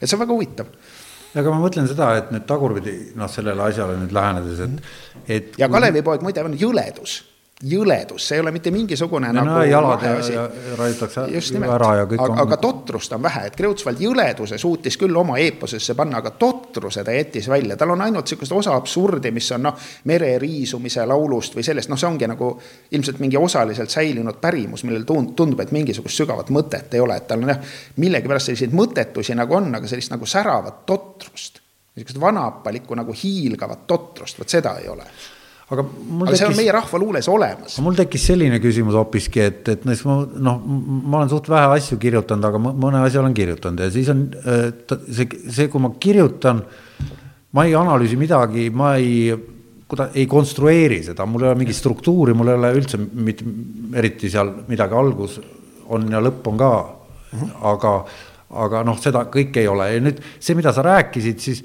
mulle, mulle tihti tundub, et kriitikud nagu et need, need, kes on kirjutanud mingit teksti, need ise ka pärast imestavad, mida teised sellest välja loevad, et, et, et, et kas, ega kirjanik ju ei kirjuta selle mõttega, nagu sa praegu rääkisid, et, et on võimalik, et see Annist nüüd analüüsis seda Kalevipoega, ega rahvas ei rääkinud oma lugusid ju selle mõttega, et nüüd, mida see vend analüüsib, et et siin on ju tugevad käärid sees. ei, ei, aga lihtsalt ma mm, võiks nagu seda küll nagu julgen öelda, et et kui on niisugune äh, õnnestunud kunstiteos, et äh, on ta siis luuletus või, või eepos, et äh, tahes-tahtmata, kas autor on seda nüüd komponeerinud mõistusega või ei ole. et kas ta on seda teinud alateadlikult või kuidagi mehaaniliselt, siis ikkagi mingi kompositsioon peab seal olema, mingi ülesehitus peab olema, mingi loogika peab olema ja, ja, ja väga sageli ma arvan, et see siiski on teadlik. kas sina tead, kui sa hakkad kirjutama, mis lõpus saab? Või millal sa saad teada, millega asi lõpeb? oleneb, mis asja ma nagu kirjutan, väga sageli no, ei teagi. No. no ajalehe lugu kirjutades ma küll ei tea, sellepärast et äh,. ei, ma teen ikka natukene pikemat lugu kui ajalehe lugu, ma võtan ikka raamatut äh,. nojah, et äh, ega ei tea ega ei tea, aga mul on ikkagi samas mingi pilt on mul olemas, mida ma teen, mul on endas ikkagi, mul on see mingi noh, see on pigem pilt, ma näen seda enne et mul ei ole jah, et see lõpeb nüüd selle lausega või seal on nagu selline asi. mäletan, kui ma seda Soari, mitte Soari evangeeliumit, ikka Liivlasi ja Saurusi kirjutasin, ma kirjutasin seda kolm aastat, see on väike vihik. see on väike luulevihik, mis on normaalses noh, tempos kirjutad, no ei tea, noh, kaks-kolm kuud, mis seal siis kirjutada on. aga ma vaevlesin ja vaevlesin sellega, ma tegin märkmeid ja käisin jälle seal surnu ees ja jälle kirjutasin ja mul oli mingi mingi Loomingu Raamatukogu jaapanlane ja mingisugused lühivormid, ma ei tea, kas kelle, kelle oma see seal täpselt oli ja seal sinna võtsin jälle selle kaasa, tegin sinna nagu märkmeid juurde, ma ei viitsinud nagu märkmikku parasjagu olnud, siis esimene kord läksin, hakkasin raamatusse tegema märkmeid, ilmselt lugesin seda ja see oli Jõude ja võrsed, Genko Jõude ja võrsed, sellesse tegin nagu märkmeid. ja ikka nagu, nagu nagu on raamat, nagu kõik on olemas, kõik värgid, mis peavad olema, kõik teemad, kõik arendused, kõik teen nii, teen nii, teen nii ei ole midagi, on puudu raisk. Ja siis ükskord suvel, ma ei mäleta, kas juba kolm aastat oli möödas, ikka seisis Andres vahepeal helistab, kuule pildid on tehtud, millal raamat tuleb, no ma, ma ikka teen siin ja küll ta tuleb ja no ei tule, ei tule. Ja siis ma ei mäleta, kas ma vaatasin telekat ja mul oli mingisugune, mingi üks rida siis, mis mul nagu või üks motiiv sinna, mida ma seal paar korda siis ka ütlesin, et nüüd on valmis, et ma sain selle viimase nagu lihvi veel. nüüd on päris, et vot see teeb sellest asja, et äh, et üldiselt mul ikkagi, ma arvan, see, mul nagu, ma olen nii palju kirjutanud lihtsalt. ma, ma just enne. mulle, mulle töötab see asi sageli seljaaju peal, et noh, ma kujutan ette, et see noh, see kirjutama õppimine või see kirjutamise, kirjutamises nagu edasiliikumine käib nagu niimoodi, et noh, okei okay,, et sa kõigepealt õpid tähed selgeks, on ju, sa ei saa ju kirjutada, kui sa tähti ei tunne. no siis õpid sõnu kirjutama, noh no ka ikka teised peavad aru saama, mis sõna see on, et kas see on ahi või uks, eks ole, midagi peab seal kirjas olema. sa õpid lauseid kirjutama, noh, lauseid on ju üle neljasaja tüübi, sa tükk aega õpid sealt neid. aga räägi, mis, mis see tähendab, üle neljasaja no, tüübi? no Kuno Rätsep on välja andnud sellise raamatu Eesti keele lihtlausete tüübid ja neid sarnaseid raamatuid on vähemalt üks veel. oota, kas peale Uno Rätsepa keegi veel Uno. nii arvab, et neid on üle neljasaja? no ta on eh, väga Nobel keeleteadlane ja need, kes praegu eesti keelt arvutile nagu arusaadavaks teevad, tõlgivad nagu lausetüüpe nagu arvutikeelde, on ikkagi Rätsep Rätsepa raamatu järgi teevad seda Tartus, et selles mõttes ta on tõsine teadlane.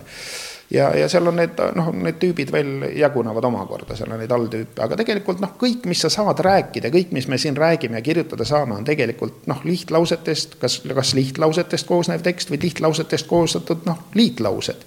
et sa, sa ei saa peaaegu mitte midagi rääkida ega kirjutada väljapool neljasada lausetüüpi, okei okay,, kas need on nüüd nelisada kakskümmend või nelisada kolmkümmend, seal ei ole suurt vahet, noh, me ei kasuta niikuinii suuremat osa kunagi. no minust hämmastab see arv, et seda on palju. no see on, need, need on kõik võimalused. kas keegi on, ühesõnaga, see on mingi, kas see on mingisugune konsensuslik nagu arv, et, et üle maailma kõik arvavad või see on keeleti erinev? no keele, keeleti erinev, see on kindlasti keeleti erinev. ma tean seda, et näiteks prantsuse keel on kolm korda kiirem kui eesti keel ja siin on mingid sellised asjad on mida. no eesti keel on ikkagi väga vana ja keeruline keel ka, et ta ei ole ju mingi impeeriumi keel, mida noh, inimesed täiskasvanuna kõige lihtsamate vormidega ära õpivad, et oma igapäevast asja ajada, et meil ongi selline nagu metsinimeste keel, väga keeruline sihuke džungli hõimukeel sisuliselt, millel on oma kõrgkultuur ka veel olemas, et sellist asja Eestis tegelikult või noh, sellist asja nagu Eestis on üldse vist maailmas väga harva olemas noh, mõnel saarel võib olla, no Islandis näiteks või kuskil, aga et mandri peal on olemas nii väike rahvas,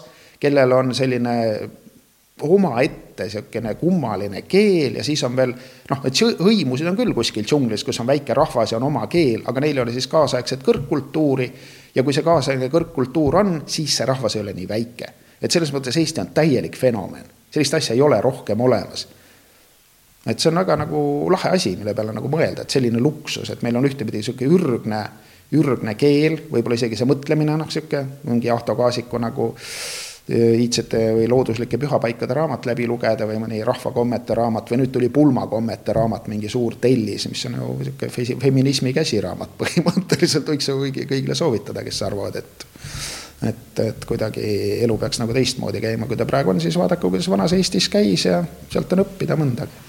No ei, ma just mõtlen jah, et ähm, just lappasin reheahju teemalist raamatut, et see on ka sihuke ei, minul tekkis huvi tegelikult ka siis, kui ma ise maale kolisin ja noh, noh, omal ka sihuke rehetare oli, oli käes. ja, ja siis on, on, on olemas väga lahe raamat, see on äh, Hiiumaa rahvapärane arhitektuur mul on lihtsalt ilusti, noh, ma ei mäleta, see on mingi Kaljo Põllu raamat minu meelest. Ja siis ta on tudengitega seal üles joonistanud kõik need asjad, ega need noh, rahi, rehetare on igal pool enam-vähem ühesugune. Et noh, kui targalt see asi on ehitatud, noh, kui ta iga detail, iga nurk, iga, iga detail on välja mõeldud, noh, miks, miks kaevu juurde istutati must lepp, noh, kes teab? Must lepp istutati sellepärast kaevu juurde, et must lepp on meie kliimas kõige sügavamate juurtega puu, need juured lähevad kõige sügavamale ja kui on põud, siis juurtega noh, puu tõmbab vett välja, et see on lisapump põhimõtteliselt seal kaevu juures. selliseid nüansse ei ole seal üks ega kaks. noh, see on täielik kosmos, kui sa hakkad nagu mõtlema, kuidas mingid talumatsid seal tegid oma hütte. müstika, täielik müstika. aga mis sa arvad, kas on äh, reaalne, et, et on olemas mingi iidne tarkus, mis on vahepeal kaduma läinud ja ära ununenud? no ilmingud on ju olemas, ilmingud on no, olemas. ma toon niisuguse näite, et kunagi ma olin Saaremaal malevas ja siis räägiti täiesti tõsimeeli, et äh, Kaali järve põhjas on mingisugune mitmekihiline tammepalkidest mingisugune nagu mingi põrand või vahelagi või mis iganes ta nimi on, et need seal vee sees, see tammepalk ei idane mm, -hmm. ei mädane mm -hmm. ja selle all on mingisugused Eesti rahva mingid ennemuistsed tarkused. ja seda räägiti täiesti tõsiselt me olime Kaalijärve kalda peal koolimajas, olime malevas seal ja külarahvas rääkis meile seda et, et mis nagu sellise informatsiooni kohta? no mina arvan, et noh, ma toon näite oma sellest talu, talumajast, eks ole, et oli vaja uks teha seina sisse, ligi kakssada aastat vana maja. ja siis see ehitusmees seal tiima võttis mingisuguse Rootsi sae, ikka vana korraliku mootorsae, sihukese vana kooli mootorsae, mitte tänapäevase ja terve päeva saagis ühte ust. noh, et uks ei ole mingi suur asi et lihtsalt selle van-, noh, palgid on nii kõvad. Nad on nii, noh, õige kuufaasiga lõigatud täpselt noh, nii nagu peab tegema, sellised lihtsad oskused, need ei ole kadunud tegelikult, need tarkused, need on kõik üles kirjutatud, sa võid lugeda. noh, ma ei tea, mingisugused. no sa tead, see on lomp, eks ju, lomp. ma ei tea. see on nagu, kui sa võtad palgi ja siis pikku pidi ajata pooleks mm., neid ju tõmmati kahe mehe saega mingisuguseid kümnemeetriseid. ütlen, et kuidagi ikkagi, kuidagi ikkagi jah, osati nagu asju teha, mis nagu pidasid kaua vastu et noh, näiteks tänapäeval, kui maja ehitatakse, sellel ei ole kahesaja aastast garantiid. Ma arvan, et kahesaja aasta vanustel majadel ei olnud üldse garantiid. Need lihtsalt pididki vastu pidama, noh nii, nii kaua kui võimalik ja nii nad ka vastu pidasid. kuhu me oma jutuga nüüd oleme jõudnud? et kas iidsed tarkused on, mina ütlen, et tarkus ehitada maja, mis kahesaja aasta pärast on peaaegu võimatu palki läbi saagida, on kaduma läinud. Aga, aga aga mismoodi majandus saaks areneda, kui kõik peaks lõpmatuseni vastu? no aga miks see majandus üldse peaks nii väga palju arenema, mis asi see küsimus. majandus on üldse, see, kus see huvitav. majandus välja tuli, kas Eesti Vabariigi põhiseaduses on öeldud, et see on mingi majanduse jaoks see riik siin või? ei Vaata. ole, see on keele, kultuuri ja rahva jaoks. see majandus üldse, kui ta siin üldse saab teda sallida ütleme taluda, tolereerida mingil kombel, siis ainult nii palju, kui ta aitab kaasa keele, rahva ja kultuuri kestmisele läbi, ma ei tea, mille, selle, mis seal praegu toimub ja mis siin praegu toimub? jõledus no majandus, no ma ei tea, mis see siis on. nojah, meil on loomemajandus, meil on, ma ei tea, erinevad majandused. no ma ei, ma ei oska selle majanduse kohta midagi öelda, et ma ka ei oska. käitugu korralikult jah. Saalist kostavad hoidjad.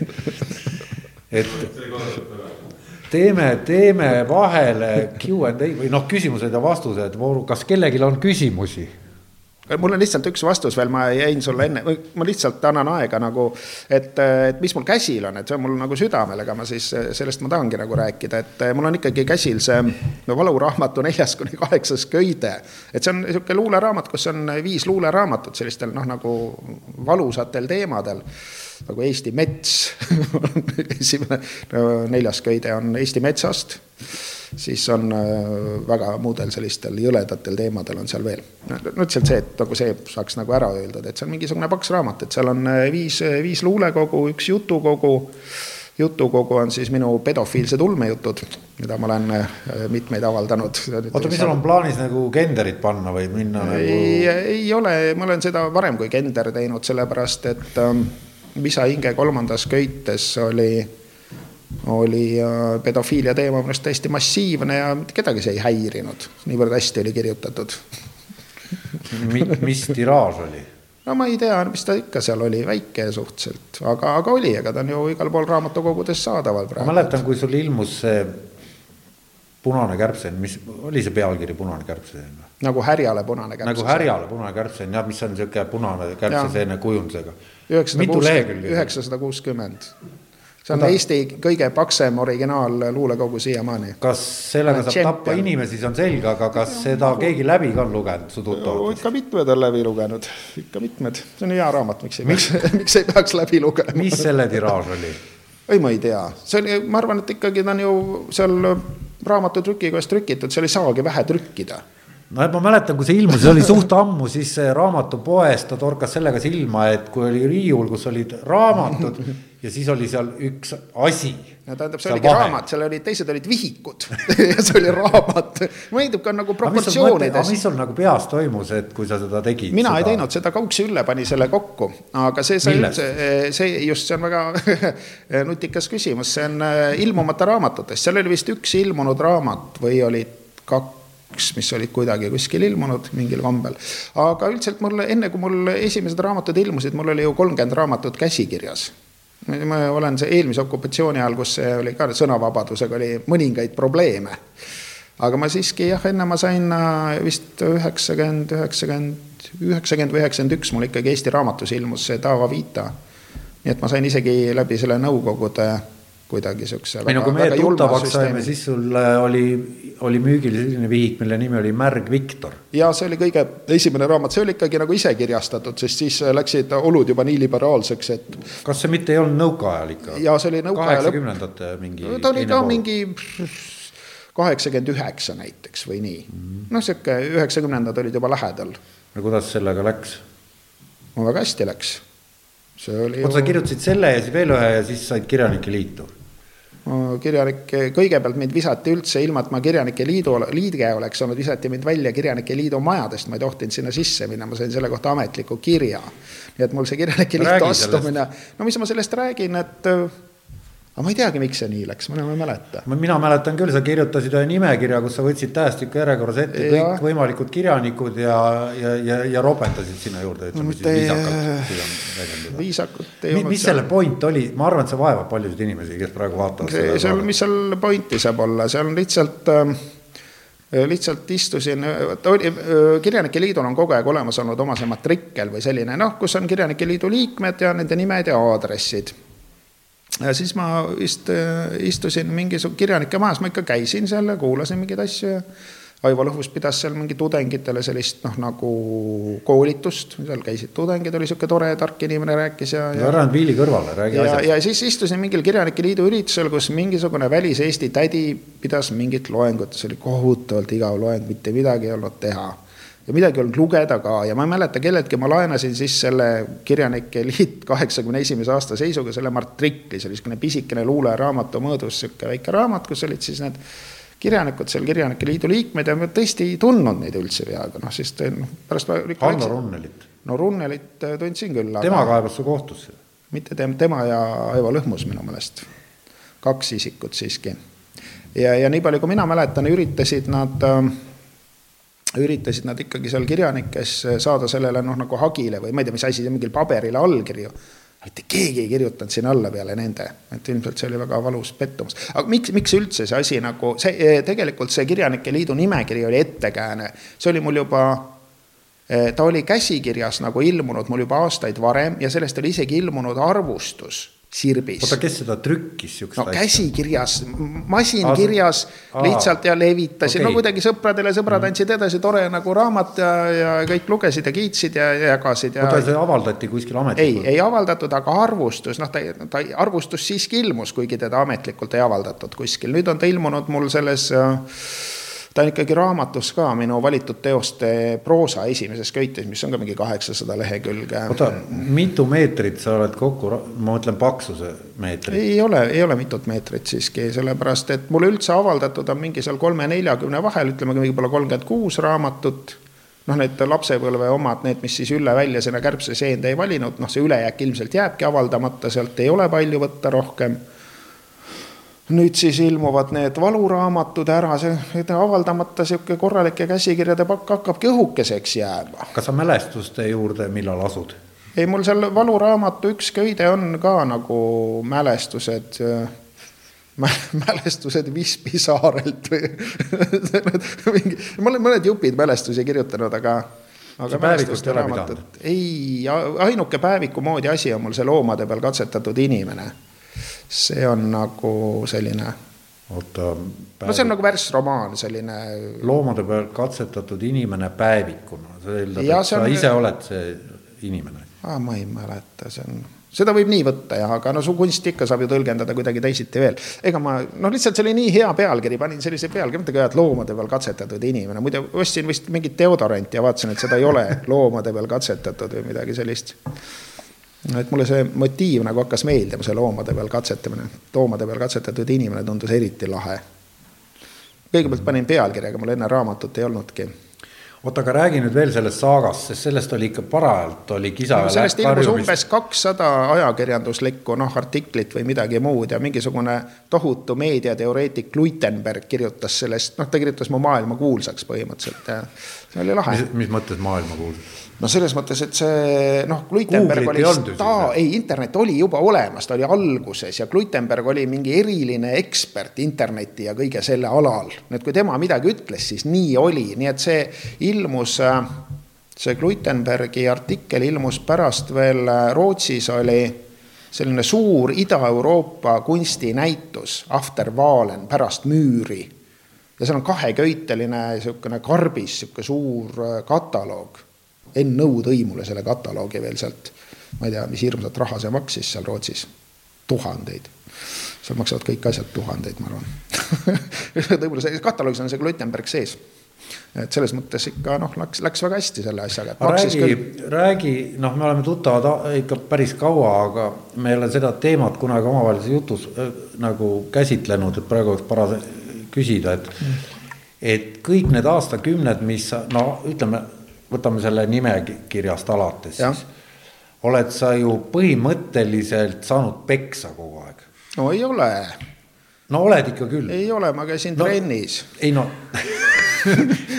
ei, no saad aru, mis ma mõtlen. ei, tegelikult ei ole, ma saan aru küll. konflikt, ütleme, et kui öeldakse kivisildnik, siis sellega noh, assotsieeruvad igasugused konfliktid, mingisugused inimesed on solvunud, mingisugune jama käib. ei, mitte inimesed, vaid lollpead. aa, okei okay et normaalsete inimestega ei ole mul kunagi olnud probleeme, tõsiselt. kirjanduses samamoodi, et igasuguste pooletoobiste ja mingite noh, kellel on endal probleemid ja mida, midagi on nagu halvasti, ei suuda kirjutada või ei oska kirjutada. Ja kujutad ette, kui inimene on kirjanik ja ei tule see kirjutamine välja, noh. selgelt on omadega puntras ja kes siis süüdi on, mina loomulikult kes siis veel?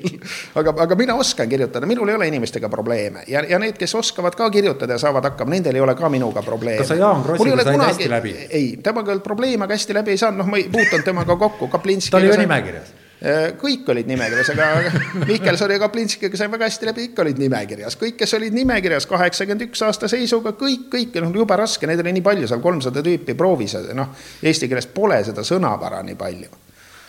Hakka ennast kordama või midagi välja mõtlema, noh, ühesõnaga ma tahtsin veel ühte asja öelda, et tegelikult nii palju, kui mina tean see asi nii, et see, et see tegelikult ei olnud asi selles nimekirjas, see nimekiri ei ole vana asi, ta oli paberil ilmunud. Noh, masinkirjas sellise paberipakina A4-na käis ta ringi, sellest oli arvustus Sirbis ilmunud. Ma arvan, et see oli kellegi. mis selle, mis selle asja pealkiri? Eesti Kirjanike Liit tuhat üheksa, tuhande üheksasaja kaheksakümne esimese aasta seisuga, need on numbrid tuhat üheksasada kaheksakümmend üks seisuga, olulist ja sa võid selle leida võrgust. minu meelest oli ta seal mõni aeg tagasi oli ta veel üleval äh,. nii, aga see, ma ütlen, kaheksakümne esimese aasta seisuga Mm -hmm. et äh, see, see oli, see oli ettekääne, sest see oli enne ilmunud, noh, ütleme nii ilmunud, et tema kohta oli Sirbis arvustus, ta ei olnud mingi salajane asi. nii, ta oli teada. tuntuim kriminaalasi. jah. aa, nii. tuntud kriminaal. Eesti Nõukogude Kirjanike Liit tuhat üheksasada kaheksakümmend üks aasta seisuga olulist. aga ma räägin, see oli ettekääne, see ei olnud põhjus. ta oli internetis üleval olnud mingi aja ma ei tea, ma ei oska praegu seda timeline'i nagu täpselt paika panna, millal nad sündisid, aga ma tean täpselt, kuidas aeg oli. ja, ja põhiküsimus oli selles, et sa võid selle asja ka üles otsida. me kirjutasime Indrek Särjega uurimuse. Indrek Särg on praegu EKRE staar äh, Tartus. ta kas see läheb praegu, okei okay et äh, kirjutasime uurimuse Eesti geiluule järjekordne algus ehk siis Eesti homoluule järjekordne algus äh, Ando Runneli näitel. nii, ja oli Nüpli kevadkool, see oli selline üritus, võib-olla toimub veel siiamaani, see oli noorte kirjandusteadlaste miks Jõgimaal on sihuke raisk no vahet seal pole, tore inimene lihtsalt, et ah. kes ta on? teadlane ah. ja väga normaalne inimene aga siis ma ei teadnud teda veel. Kaplinski Jaan, juut jah, ma kuulsin seda kirjanike majas tema kohta väidetavat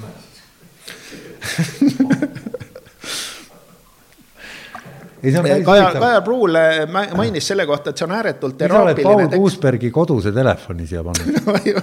Ma ei tea, miks. No,. see hakkab midagi... kaheksaga, mis see tasuta number tuli, tuli selline, tuli selline idee, mõtlesin, et las helistavad. Mis ma muidu ikka, mis sa muud teed, helistad Kuusbergile vahepeal, kuule, Paul, mis sa teed et, et igal juhul Kajar Pruul on, sellest ilmus ju tohutult arvustusi ka veel pärast igasuguseid, kas see ikka on nüüd ja, ja mis ta siis on ja, ja, ja mis, mis žanris ta on ja, ja, ja kui halb inimene ma olen, aga ütleme, need olid fifty-fifty, et noh, osa rääkisid, et ma olen luurius ja, ja osa rääkisid, et see on väga tore kunstiteos, et selles mõttes see on, see ongi hea kunsti nagu tunnus, et ei ole selline ühene ülistamine või ühene mutta trampimine, et on, on erinevad seisukohad, tähendab, on erinevalt tõlgendatav no,, tähendab, on huvitav. aga siin on inimesi, kes ilmselgelt oleks füüsiliselt äh, tol hetkel sinust jagu saanud, et milles, miks, miks nad, miks no, sa elus oled? no sellepärast, et, äh, et äh, noh, võib-olla ma ikkagi nägin hirmuäratav välja. Ei no kirjanikud ei olnud nii rumalad, et noh, sellise asja peale nüüd nii väga möllama hakata, ma ütlen, see, see nimekiri ei olnud tähtis, tähtis oli see uurimus Runnelist tähtis oli uurimus Runnelist, nii, eh, kirjanik, see, seda. okei okay,, ma loen see ette, Runnel Ando, türa hiinlane, haisvad sokid jalas, polüübid ninas, rusikas õieli, anna raha, anna raha püstis Che Guevara. ja seda, seda mis, korrati. mis sul nagu ajus sel hetkel toimus, kui sa seda kirjutasid? no Runnel oli sellel ajal, noh, ma ju tundsin teda, noh, mitte nii, külas ei käinud, kodus, aga kirjanike majas sai väga sageli nagu. aga sa viisid ta kurssi ennem sellega? ei, ma ei viinud teda kurssi, tema viis mind kurssi, et ta on suhteliselt nagu ebameeldiv inimene noh, see, siis ta oli nagu, nagu ülim staar ühtepidi ja teistpidi tõesti, noh, tal olid käitumishäired, ta ei olnud nagu normaalne kirjanik. ei no ma võin öelda, et lavakasse sisseastumisel pooled lugesid Runnelit, noh no, et no aga tore, ega olidki, oligi häid luuletusi, aga see ei tähenda, et kõik, kõik head luuletajad oleksid head inimesed. ma ei ole seda Aa, kunagi väitnud ja ei hakkagi väitma, sest see oleks vale võib väga hea näide tuua selle kohta. et äh, nii ja naa et äh, tõesti, tõesti ei, ei, käitus halvasti, ütleme niimoodi, käitus halvasti no mis ma siis pidin tegema, mis ma pidin siis ütlema? oota, kes käitub, ma jäin siia lugema Runnel, kodanik Hando Runnel. aa, okei okay,, et sinuga halvasti. jah, mitte ainult minuga, üldse. oota, kui vana sa olid siis, seitseteist, kaheksateist? seitseteist, mingi tudeng ikka, ikka rohkem natuke, no kakskümmend võib-olla no,. ma ei tea. vana mees ühesõnaga. no vana mees muidugi jah no mm. ma ei tea, mis aasta, ega see ei ole kaheksakümmend üks aastal kirjutatud, see on lihtsalt see teadmik oli kaheksakümmend üks. ma läksin Tartusse alles aastal kaheksakümmend kaks ja sealt oli ikka mitu aastat möödas, enne kui ma selle kirjutasin.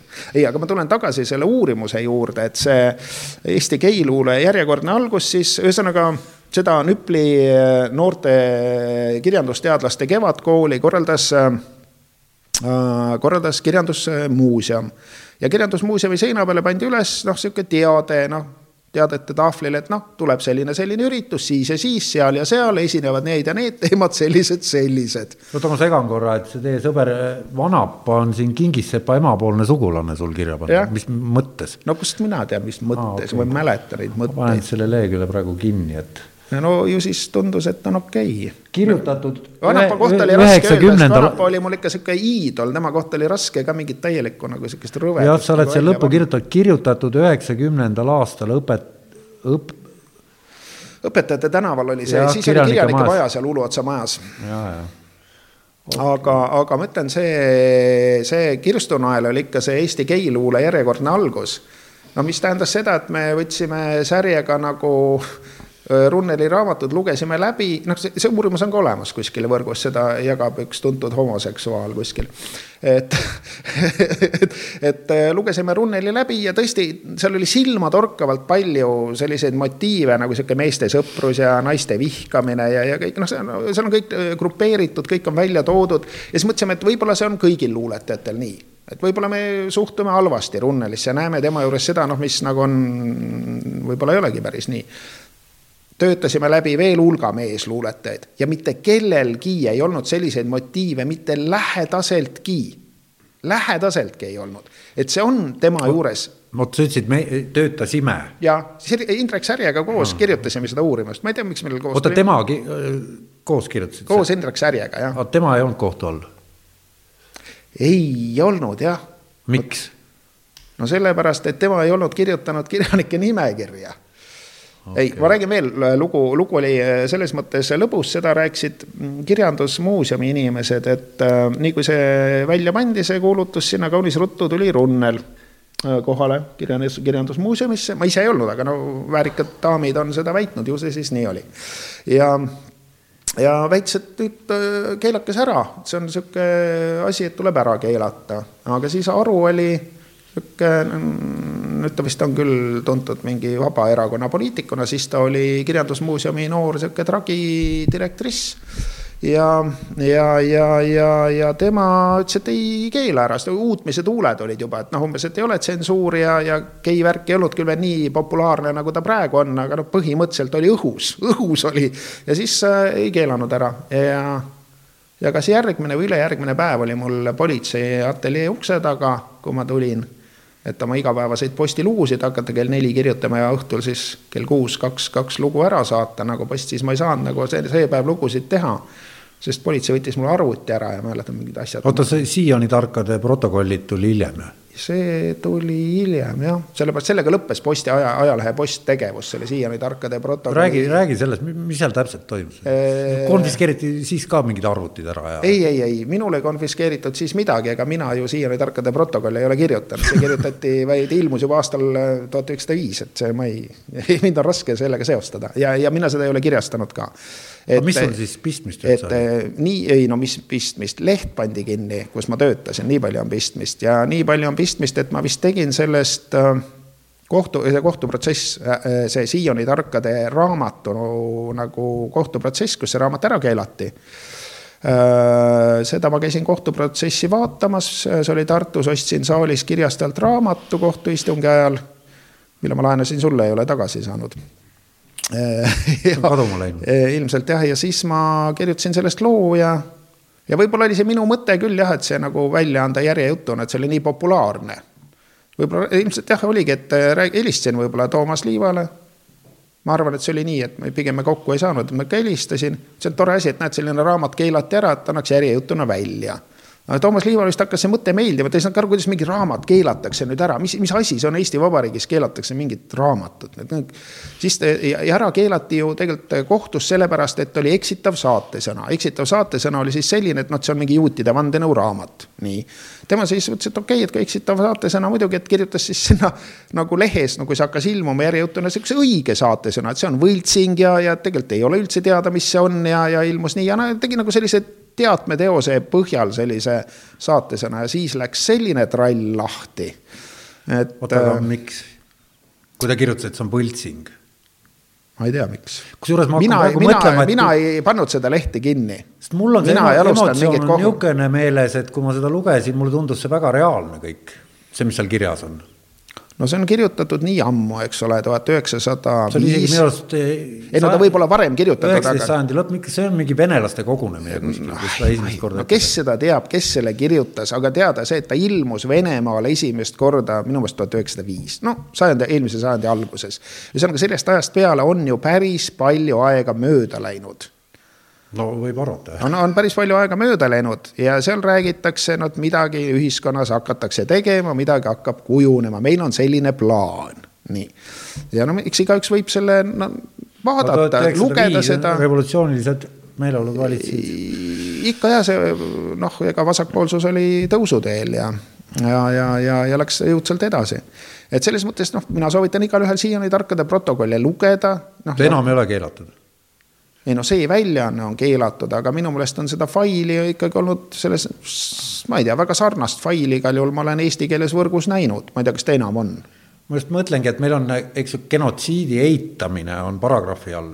ja aga seal ei ole midagi genotsiidiga aga tegemist või et ei, või on seal genotsiidi korraldamist ka, vot tõesti, ma ei mäleta, ma nii ammu lugesin, ma ei. ma ka ei mäleta, et. ei, ma just mõtlen, mis see juriidiline staatus tal täna võib olla, et ei no see, see. Amazonis see... ilmselt müügil teda ei ole. ah, ma ei tea. no kindlasti teda antakse välja ja kuskil mingis vormis saab ta kätte, minu arust see Eesti, Eesti tõlget oli, oli võimalik saada ka failina mingi aeg tagasi, aga ega ma teda ju iga päev ei tõmba, ei lähe ju vaja.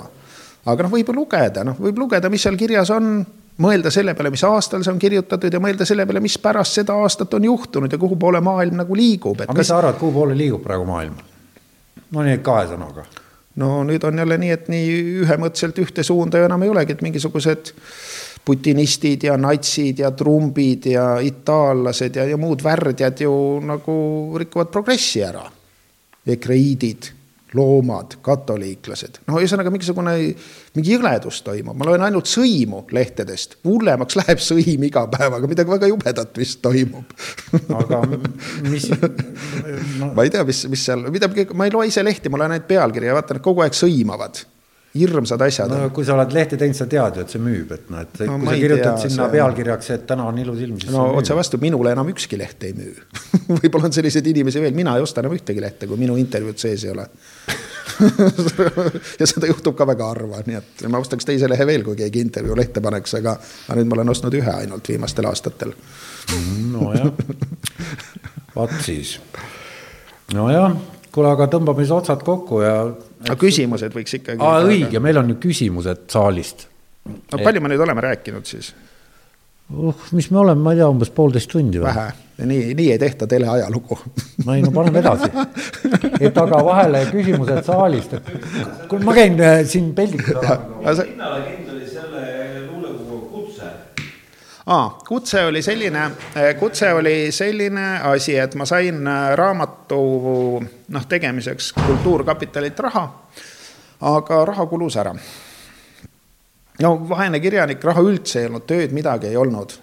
aga ma olin väga nagu, mul oli positiivne programm minna tööle ja ma ostsin endale mobiiltelefoni, mis oligi sel ajal väga kallis toode et noh, ma saaks helistada, minule saaks helistada, et noh, ma saaks üldse tööle, et ma saaks nagu kuidagi ja noh, eks kuna üldse raha ei olnud, eks see raha siis kulus ära ja sel ajal ei olnud see nii jõhker ka see kulka asi, et kohe inkassod ja kohtuasjad ja see, et noh, mina ei tea, seal sõbrad võtsid mingi raamatu jaoks mitu korda ja lõpuks need raamatud ju ilmusid ka ja noh, minu meelest see Kultuurkapitali raha tuleb ikkagi, vähemalt väga kaua aega tuli ministeeriumi selle rea alt, kus on kirjas loomingulistele inimestele töötingimuste võimaldamiseks. no see tähendab, et saaks elada, saaks tööd teha, mitte et see on mingite festivalide jaoks või mingisuguste välisreiside jaoks või no võib-olla kellelgi on töö jaoks vaja, ei tea. aga kindlasti ei ole ta Kumu ehitamise jaoks, sest mina ei tea, et seal oleks kirjanike või kunstnike töökohti Kumus ei ole, minu meelest ei ole, seal on, muuseumi töötajad töötavad seal ja koristajad, no selline vajalikud inimesed, aga kirjanike töökohti seal ei ole. et eh, selles mõttes jah, siin, aga noh, see raamat tuli kuidagi ära teha ikkagi, sest noh, aru vist pidi ikkagi siis kuidagi andma. ei mäleta, see oli nii ammu.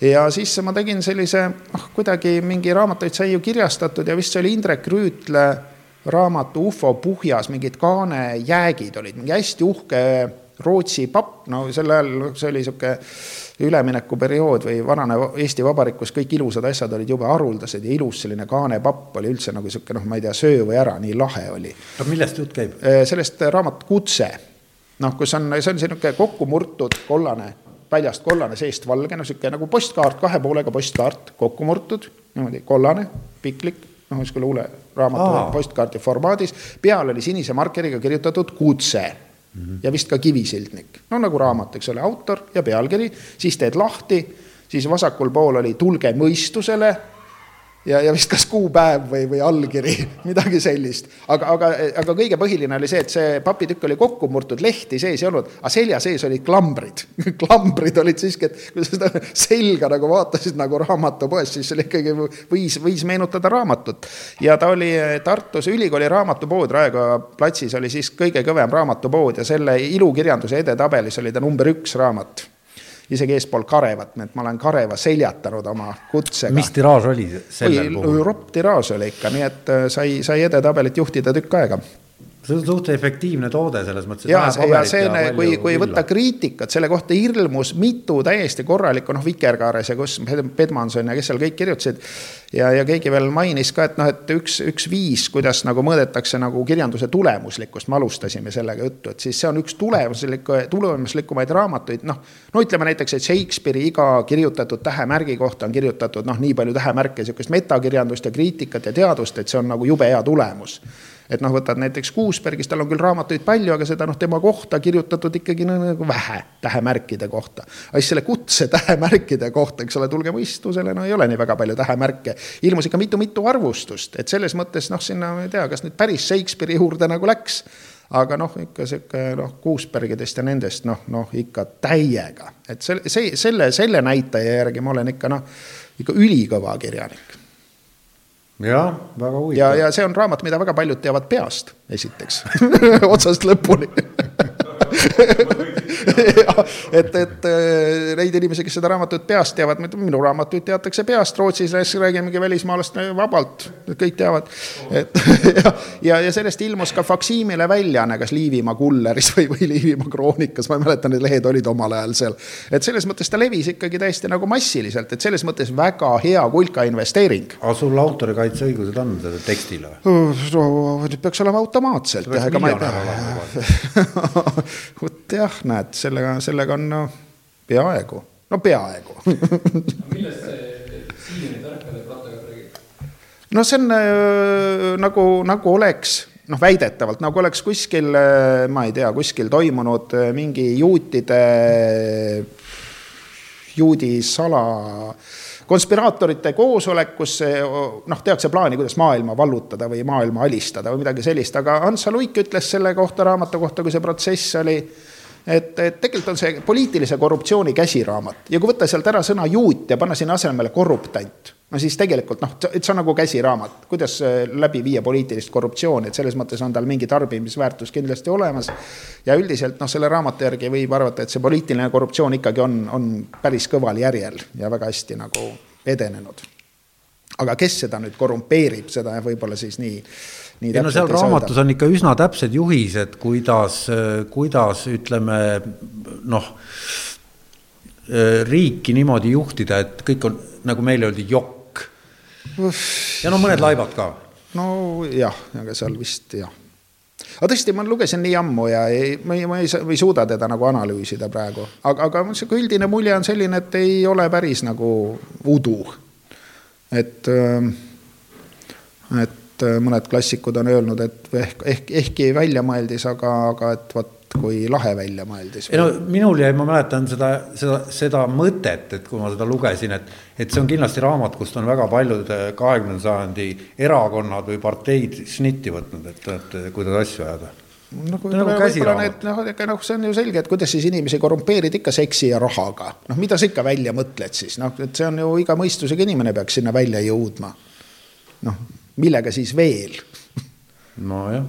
No, ma ei tea. hüved, hüved no see on sama asi, need lähevad nagu no noh, põhihüve ja, ja raha eest saab teisi ka veel ja, ja juurde veel esimest, et ei ole midagi, saab ikka. ja, ja. aga häälekandest post, post võib-olla. post, post oli, kunagi vist Liiva küsis, Liiva oli peatoimetaja siis, Toomas Liiva. ja nüüd ta on advokaat ja kuna see leht pandi kinni, noh, nii alatu nõksuga noh, kuskil Eesti seadustes on selline punkt, et kõik noh, ettevõtted, lepingud, no kõik asjad saab tühistada, kinni panna, ära keelata, kui nad on heade kommetega vastuolus ja kuna mingit paragrahvi nagu ei olnudki vaja, siis leidis, et noh, et post on nagu heade kommetega nagu vastuolus olev leht ja sellega oleks see leht niikuinii kinni pandud.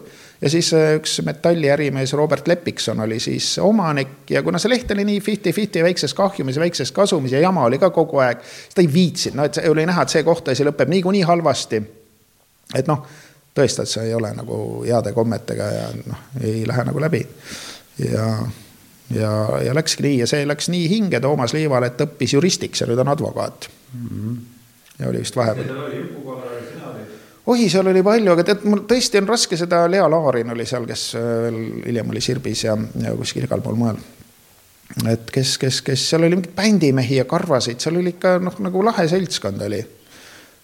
seal varjunimede all ka mingid äh, tegelased honorare nii-öelda kirjutasid nagu Maajasse, ma tean, et paljud tuntud kirjanikud. ma ei, ma ei oska seda nagu öelda, sest ma ei ju, mina olin ju Tartus ja toimetus oli Tallinnas ja mina käisin ainult nagu palka välja võtmas, sest seal alguses vist isegi, see oli nii vana aeg veel, mingi ma ei tea, mis aastad need olid seal. et noh, nagu pangakaarte vist veel nagu ei olnud, et tuli minna kassaluugi juurde seisma.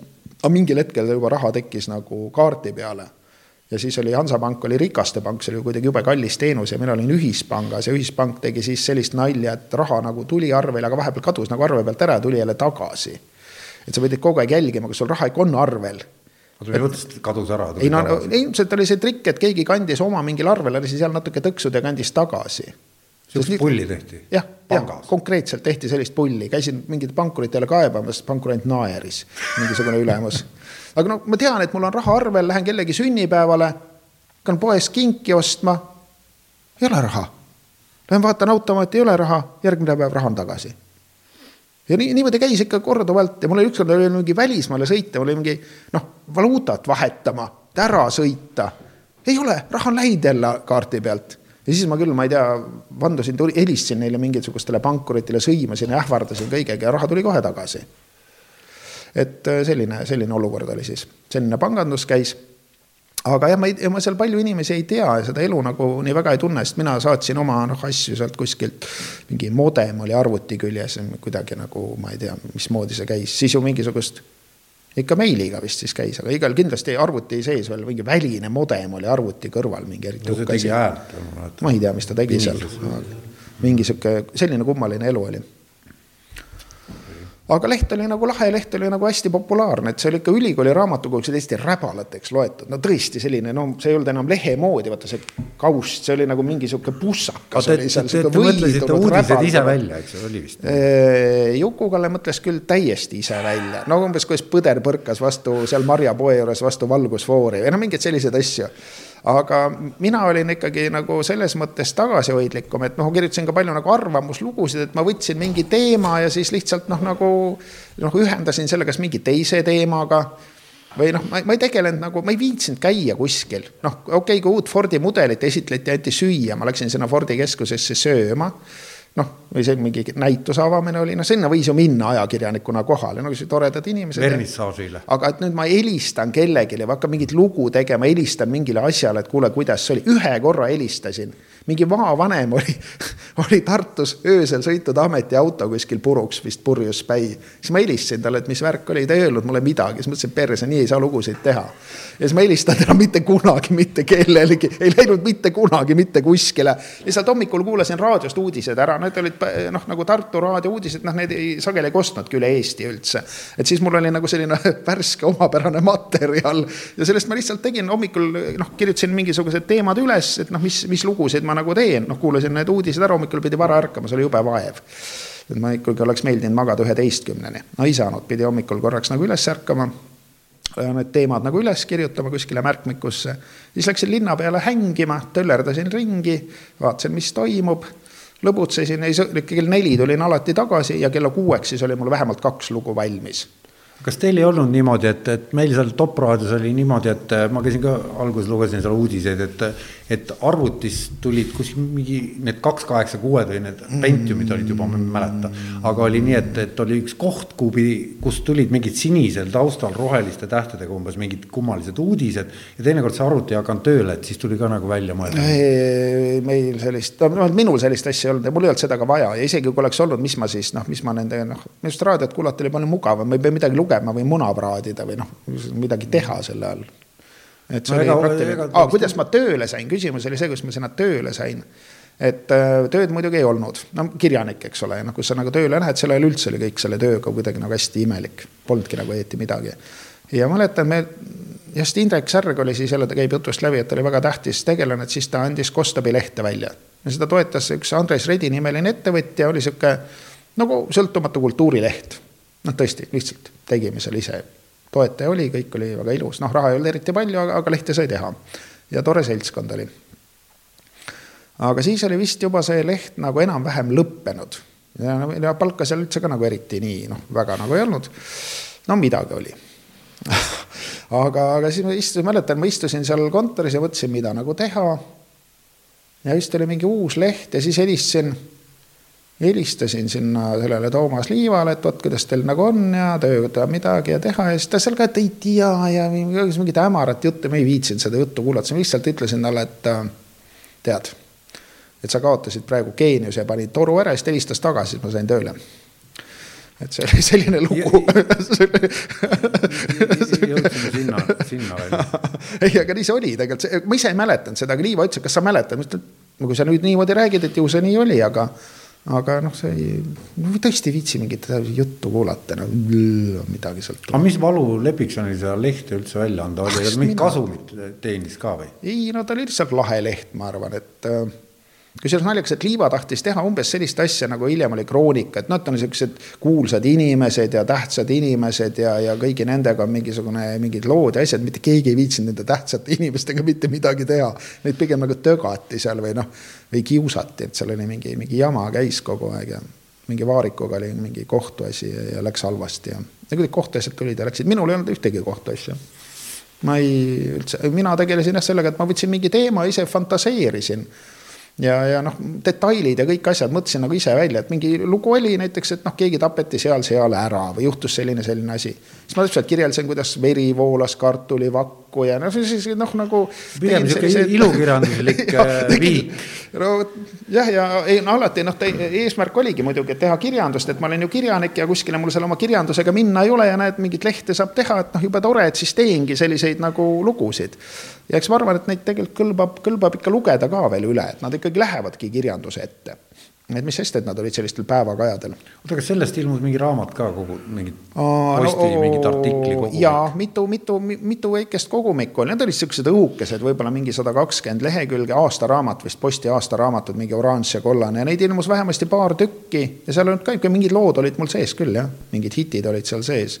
aga neid lugusid mingi suuremas koguses on selles, selles, selles, selles, no see minu valitud teoste esimene köise seal selles. valgusta, valgusta mind ka, mis on sinu valitud teosed? no see on, Argo andis välja kirjastus Argo, noh, see on ajalookirjastus, Andres Adamson veab seda ja tal kuidagi ta vist kirjastas Navitrollat ja Navitroll vana sõber ja kuidagi, kuidagi siis kirjastas mind ka ja siis tegi siukse paksu, paksu teose ma tahtsin teha paksema, aga seal vist äh, köitemasinad ei saanud nii paksu see on teha see. paksusega on mingi oma mingi suhe ei. no mul on lihtsalt materjali nii palju, siis tahaks nagu vahel teha mõne paksu raamatu, et noh, kogu aeg luulete teeb mingi õhukesi vihikuid ja seal on proportsiooni häda, eks ole, kõrgus on, laius on, sügavust ei ole, noh, korralikul raamatul on sügavus. no sihuke kaheksasada Peab olema lehekülge. just- kahemõõtmene just nimelt, uudakoer. jah, mingi sihuke lapik, noh mingi sihukene vihik, et noh, okei okay,, vihikud küll, aga vahepeal mõni raamat, et nüüd mul jälle tuleb siis natuke raamatu moodi asi, tuleb see valuraamat, see tuleb võib-olla mingi neli, nelisada midagi lehekülge siis mm. -hmm. et see on päris hea, kohe päris hea raamat, aga ikka väga valus. kas on veel küsimusi?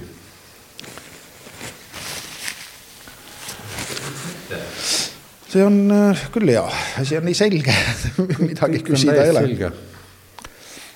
nojah, siis on kõik siis on kõik. lugemissoovitus. No ikka võiks ju ikka mõnikord elus proovida luulet lugeda, sellepärast et kui üldse ei loe, siis ei tea, mis asi see on. et ma arvan, et võiks, võiks ikkagi mõne, mõne luuleraamatu lugeda, sest nii palju, kui mina tean, inimestele on luule hakanud meeldima ikkagi siis, kui nad on leidnud mõne väga laheda luuleraamatu.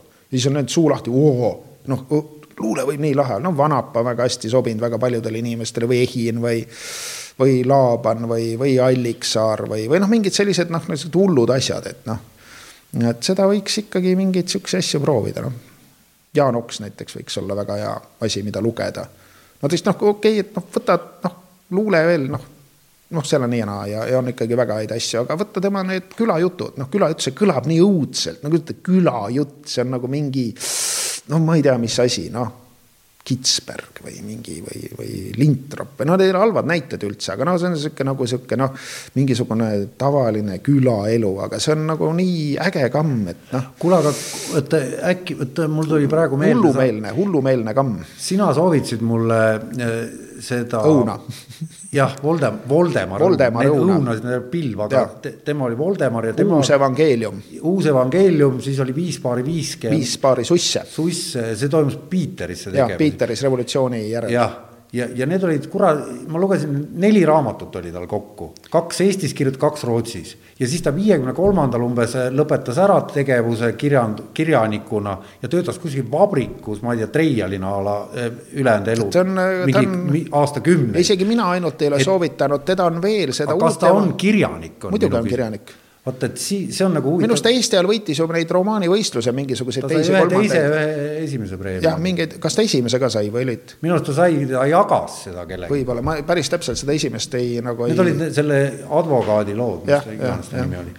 aga et, et, et tema on selline fenomen, et ma mäletan, et ma polnud tast midagi kuulnud, siis sa ütlesid mulle, et sihuke vend on, lugesin mm -hmm. suure huviga läbi ja siis selgus, et ta lõpetas lihtsalt ära kirjutamise mm, -hmm. et, et kas sihukest asja, no seda ikka juhtub, et inimesed natuke kirjutavad ja ei lähe nii väga hästi ja, ja lõpetavad ära ja või ma ei tea, mis põhjusel, arust see just naisautoritel on see nagu epideemiline, et noh, teevad, teevad ja siis lõpetavad järsku ära, noh. no sina tead kõiki Eesti kirjanikke ja võib-olla inimestel huvitav kuulda, et, et Voldemar Õun on veel siukseid vendi, keda keegi ei tea, aga kes on no no, ma arvan, et. selliseid tüüpe on tegelikult mitte üks ega kaks, vaid neid ikkagi nagu võtab välja kümneid. noh, kui väliseestlastest veel võtta, siis noh, nende uuem põlvkond näiteks noh, võtame Jaks, novellikirjanik Ilmar Jaks on ju suht sihuke tundmatu asi või, või sihuke sürrealist Ilmar, mida me, Ilmar Laabanit me teame, aga Ilmar Mikiveeri ei tea.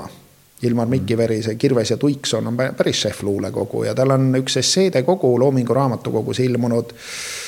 see on Laabani esseesid on seal kaks tükki sees, ma ei mäleta, mis selle ankruketi, mingi ankruketi teemaline oli see. ankruketi lõpp on laulu algus, esimene mingi tema luulekogu. selle esseede kogu, selle Ilmar Mikiveri esseede kogu pealkiri on ka mingi ankruketi teemadel seal on, aga ma ei suuda praegu meenutada, et väga, väga huvitav, huvitav nagu autor. aga kes, ütleme, peale tulevast põlvkonnast on niisugused tähelepanuväärsemad? no vot, kus seda peale tulevat põlvkonda nüüd nagu piiri, piiri nagu panna, et noh, mis ta peaks olema teinud, ühe raamatu või kaks raamatut või viis raamatut või noh, mina tulin ju pärast kolmekümnendat raamatut ikka, et noh, kuskil, kui kuhu seda. no paneme siis vanusepiiri. et, et kes võiks nagu olla siis noorematest kirjanikest sihuke kobedam tegelane kes mulle endale nagu väga meeldib ja kelle ühe raamatu ma olen kirjastanud, on Urmo Jaanimägi, ta ei ole eriti noor, aga ta on noh, tal teine raamat nüüd ilmub ja esimese raamatu kirjastasin mina, ta on jutukirjanik, ta kirjutab jutte. tal on televisiooni mõju või nüüd segimine, ma panin need mõlemad kokku, need käsikirjad, et äh, üks oli televisiooni mõju ja teine oli kolimise laastav mõju. et minu meelest noh, soovitan nagu mõned proosa asjad lihtsalt, et oleks nagu noh, et loeksid ka, et luulet ikka noh, ei viitsi lugeda, et on niisugune sõge, et et Urmo Jaanemäge ma soovitan väga lugeda.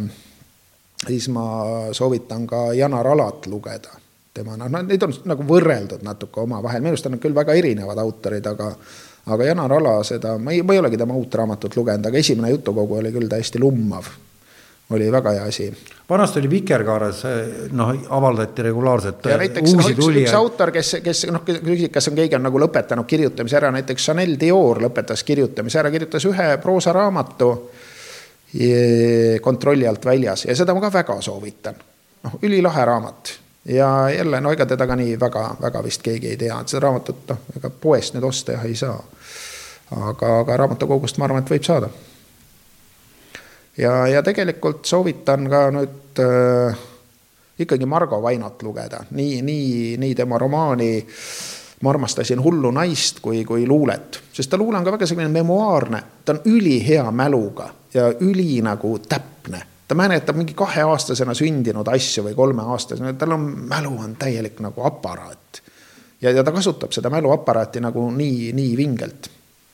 et, et see on küll nagu, noh, sellist asja ei ole ja, ja minu eriline lemmik on tema luulekogu Demokraatia koidik ehk loojak.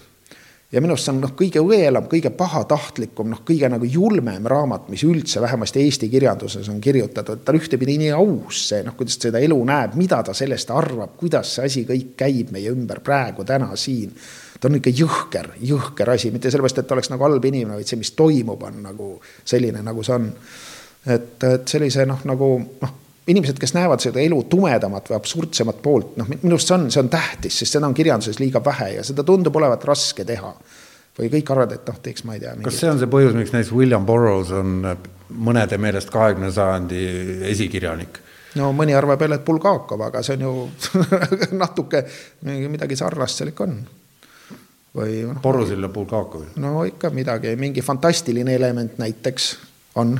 no seda kindlasti jah et äh, sihuke ikka paras sõgedus ja sihuke vabadus et noh, need, need elemendid on väga sarnased.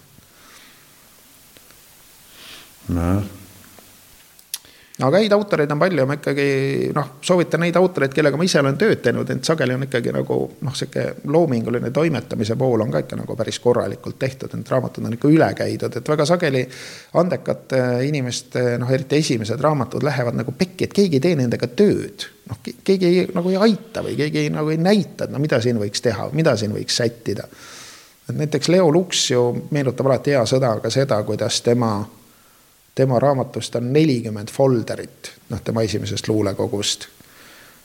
sada protsenti Leo Luks, et see on nelikümmend folderit, see tähendab, see on nelikümmend korda on see käsikiri nagu ümber käidud. ja, ja keda ma veel väga soovitan lugeda, on äh, jälle üks väliseestlane nagu Urmo Jaanimägi. ta on mingisugune Oxford Cambridge'i tüviraku teadlane. Jõgevalt pärit tüüp. jumal küll, vot nüüd vana mälu. aheldatud või mis ta oli aheldatud Jõgeva oli haikuraamat, mille ma välja andsin, nüüd on tal üks, üks haikuraamat veel ilmunud. sealt näed, autori nimi. jah, see on juba aastaid tagasi ilmunud ja tõesti noh, temaga käis samamoodi, ma arvan, et see nimi tuleb mulle nagu meelde. et äh,. aga praegu on ju see, et, et noh, nõu-, nõukogude ajal oli see kõik tsensuurid, klavlitid, igasugune jama mm, -hmm. Aga et nüüd on see tõlkekirjanduse osakaal, kuna maailmakirjandus on ikka niivõrd suur ja noh, siin paratamatult mängib see, et, et, et noh, meid on nii vähe, nagu sa ennist ise ka rääkisid, et, see on ime, et meil üldse mingi kirjandus eksisteerib. et see proportsioon on nagu, peaks olema ju, et, et see lääne kirjanduse kasuks niivõrd palju, et, et kas Eesti kirjandust kas seal on mingid mehhanismid, mis hoiavad nagu seda suhet, et eesti kirjandus üldse müügilt ära ei kao, kuna seda maailmakirjandust on lihtsalt niivõrd no, eks see palju. mehhanism ongi Kultuurkapital ju, mis ju toetab seda elavat Eesti kirjandust ja, ja räägi lahti Kultuurkapitali, ütleme, kas see on maailmas ainulaadne? ei ole, see on noh, igal pool on oma toetamissüsteemid, et see on üks viis, üks viis nagu kultuuri toetada aga ma ütlen, selle, sellest mehhanismist on raske aru saada, sellest mehhanismist on raske aru saada ja mina seda nagu ära seletada ei oska. ma saan aru põhimõttest ja minu arust see põhimõte on õige. No see, et inimesed joovad viina aktsiisist, antakse kulkale ja, raha, umbes ja, nii käib. ja, ja no ekspert, ekspert, no inimesed teevad sinna taotlusi, küsivad projektide jaoks raha ja siis seal on ekspertgrupp, eks ole, kuhu siis satuvad mingid inimesed, on nad siis ja, eksperdid või ei ole. aga just see, et. no ja raha tuleb hasartmängudest ja alkoholiaktsiisist ja, ja kuna see, ma ei tea nüüd, kas Läti, Läti Läti poliitika on seal midagi nagu väga sassi keeranud või, või mis seal on. Et üldiselt seal ikka need kirjanduse toestused on aastaid ja aastaid jäänud nagu kehvemaks. eelmine eraldus vist oli nüüd natukene parem, seal Kirjanike Liit ka hullus juba täiesti, et et ikkagi üks, üks viima-, ei viimane üldkogu, kus ma käisin, ma just päris viimasele käinud, aga eelviimane, et seal tegelikult oli ainult Kultuurkapitali teemad, et seal keegi millestki muust ei rääkinud ja väga rõõmsate nägudega ei rääkinud seal keegi midagi, ei. aga kas meil on olemas, kas sina tead, kas on olemas selliseid Eestis rikkaid inimesi, kes on otsustanud, et nad hakkavad toetama ühte kindlat kirjanikku. et noh, panevadki nagu ühe mehe peale pappi. nii nagu näiteks Greenaway'le, ma olen kuulnud, mingi Hollandi miljardär maksab kinni tema filmid, mistõttu ta on suht sõltumatu aga vot seda ma ei olegi kuulnud, ma ei tea, kui kellelgi on rikas naine või mees, eks ta siis võib-olla peab seal oma, oma peret üleval, seda, seda ikka juhtub jah, aga et nüüd. niisugune metseenluse värk, kuidas sellega on üldse Eestis? ei, ma ei tea sellest nii väga palju. ma ei tea sellest väga palju. et näiteks kui mingi kiiksuga miljonär, siis hakkab ilmuma mingi kiiksuga raamatuid, niisugust nähtust ei eksisteeri no siiamaani vist nagu ikka nii väga ei ole, ma ütlesin tõlke, tõlkekirjandust on toetatud, ma tean seda, et on mingid suhteliselt suured rahad läinud mingi tõlke, tõlke, tõlkeasjade toetuseks, aga. aga need on ikkagi mitte ilukirjandus, põhimõtteliselt ma kujutan ette. selle vist rohkem, rohkem, tead, ma ei tea ma arvan, et seal pigem jah, mingisugune, ei tea, filosoofiasarjad või mingid sellised asjad minu mulje järgi, ma tõesti ei, võõrast raha ei oska nii täpselt no. lahti seletada. nojah ja noh, kindlasti mingisugused Euroopa rahad kuidagi kuskilt, noh, need on need kõige väiksemad rahad on need tõlkeprojekti rahad vanasti olid, et neid ikka mingi Varrakud ja mingid suured kirjastused vist midagi ikka sealt said. no sa pidid mingit uuemat Euroopa kirjandust siis tõlkima, selle umbes nagu ise välja andma ja siis, kui paberimajandus õnneks läks, siis sa said Euroopast nagu mingi raha tagasi või, või, või lisaks Mm. aga nagu ma nende kirjelduste järgi aru sain, mingite, üks muusikainimene kunagi Pärnus, kes mingit festivali seal korraldas, mingit Oistrachi või ma ei tea mida ka rääkis sellest Euroopa paberimajandusest, et see oli ikkagi nagu hirmutav. see oli päris, päris nagu sihuke sõge värk mm. -hmm. et noh, need paberi määrimised ikkagi, mida, mida, mida kõrgemale poole nad lähevad, seda nagu jubedamaks asi kõik muutub, et seal, seal on vaja ikka eraldi inimesi, kes sellega töötavad seal ei ole nii, et sa teed oma mingit asja ja siis sa veel noh, tegeled kogu selle paberimajandusega, et see ikka nii, nii lihtne ei ole mm. -hmm. no selge, on veel küsimusi? Aga tõmbame siis ja, tänaseks otsad kokku, et. nii, teleajalugu on tehtud. teleajalugu on tehtud ja aitäh, et tulid ja, ja eks siis umbes nädala pärast vaatame, mis edasi saab. tore. aitäh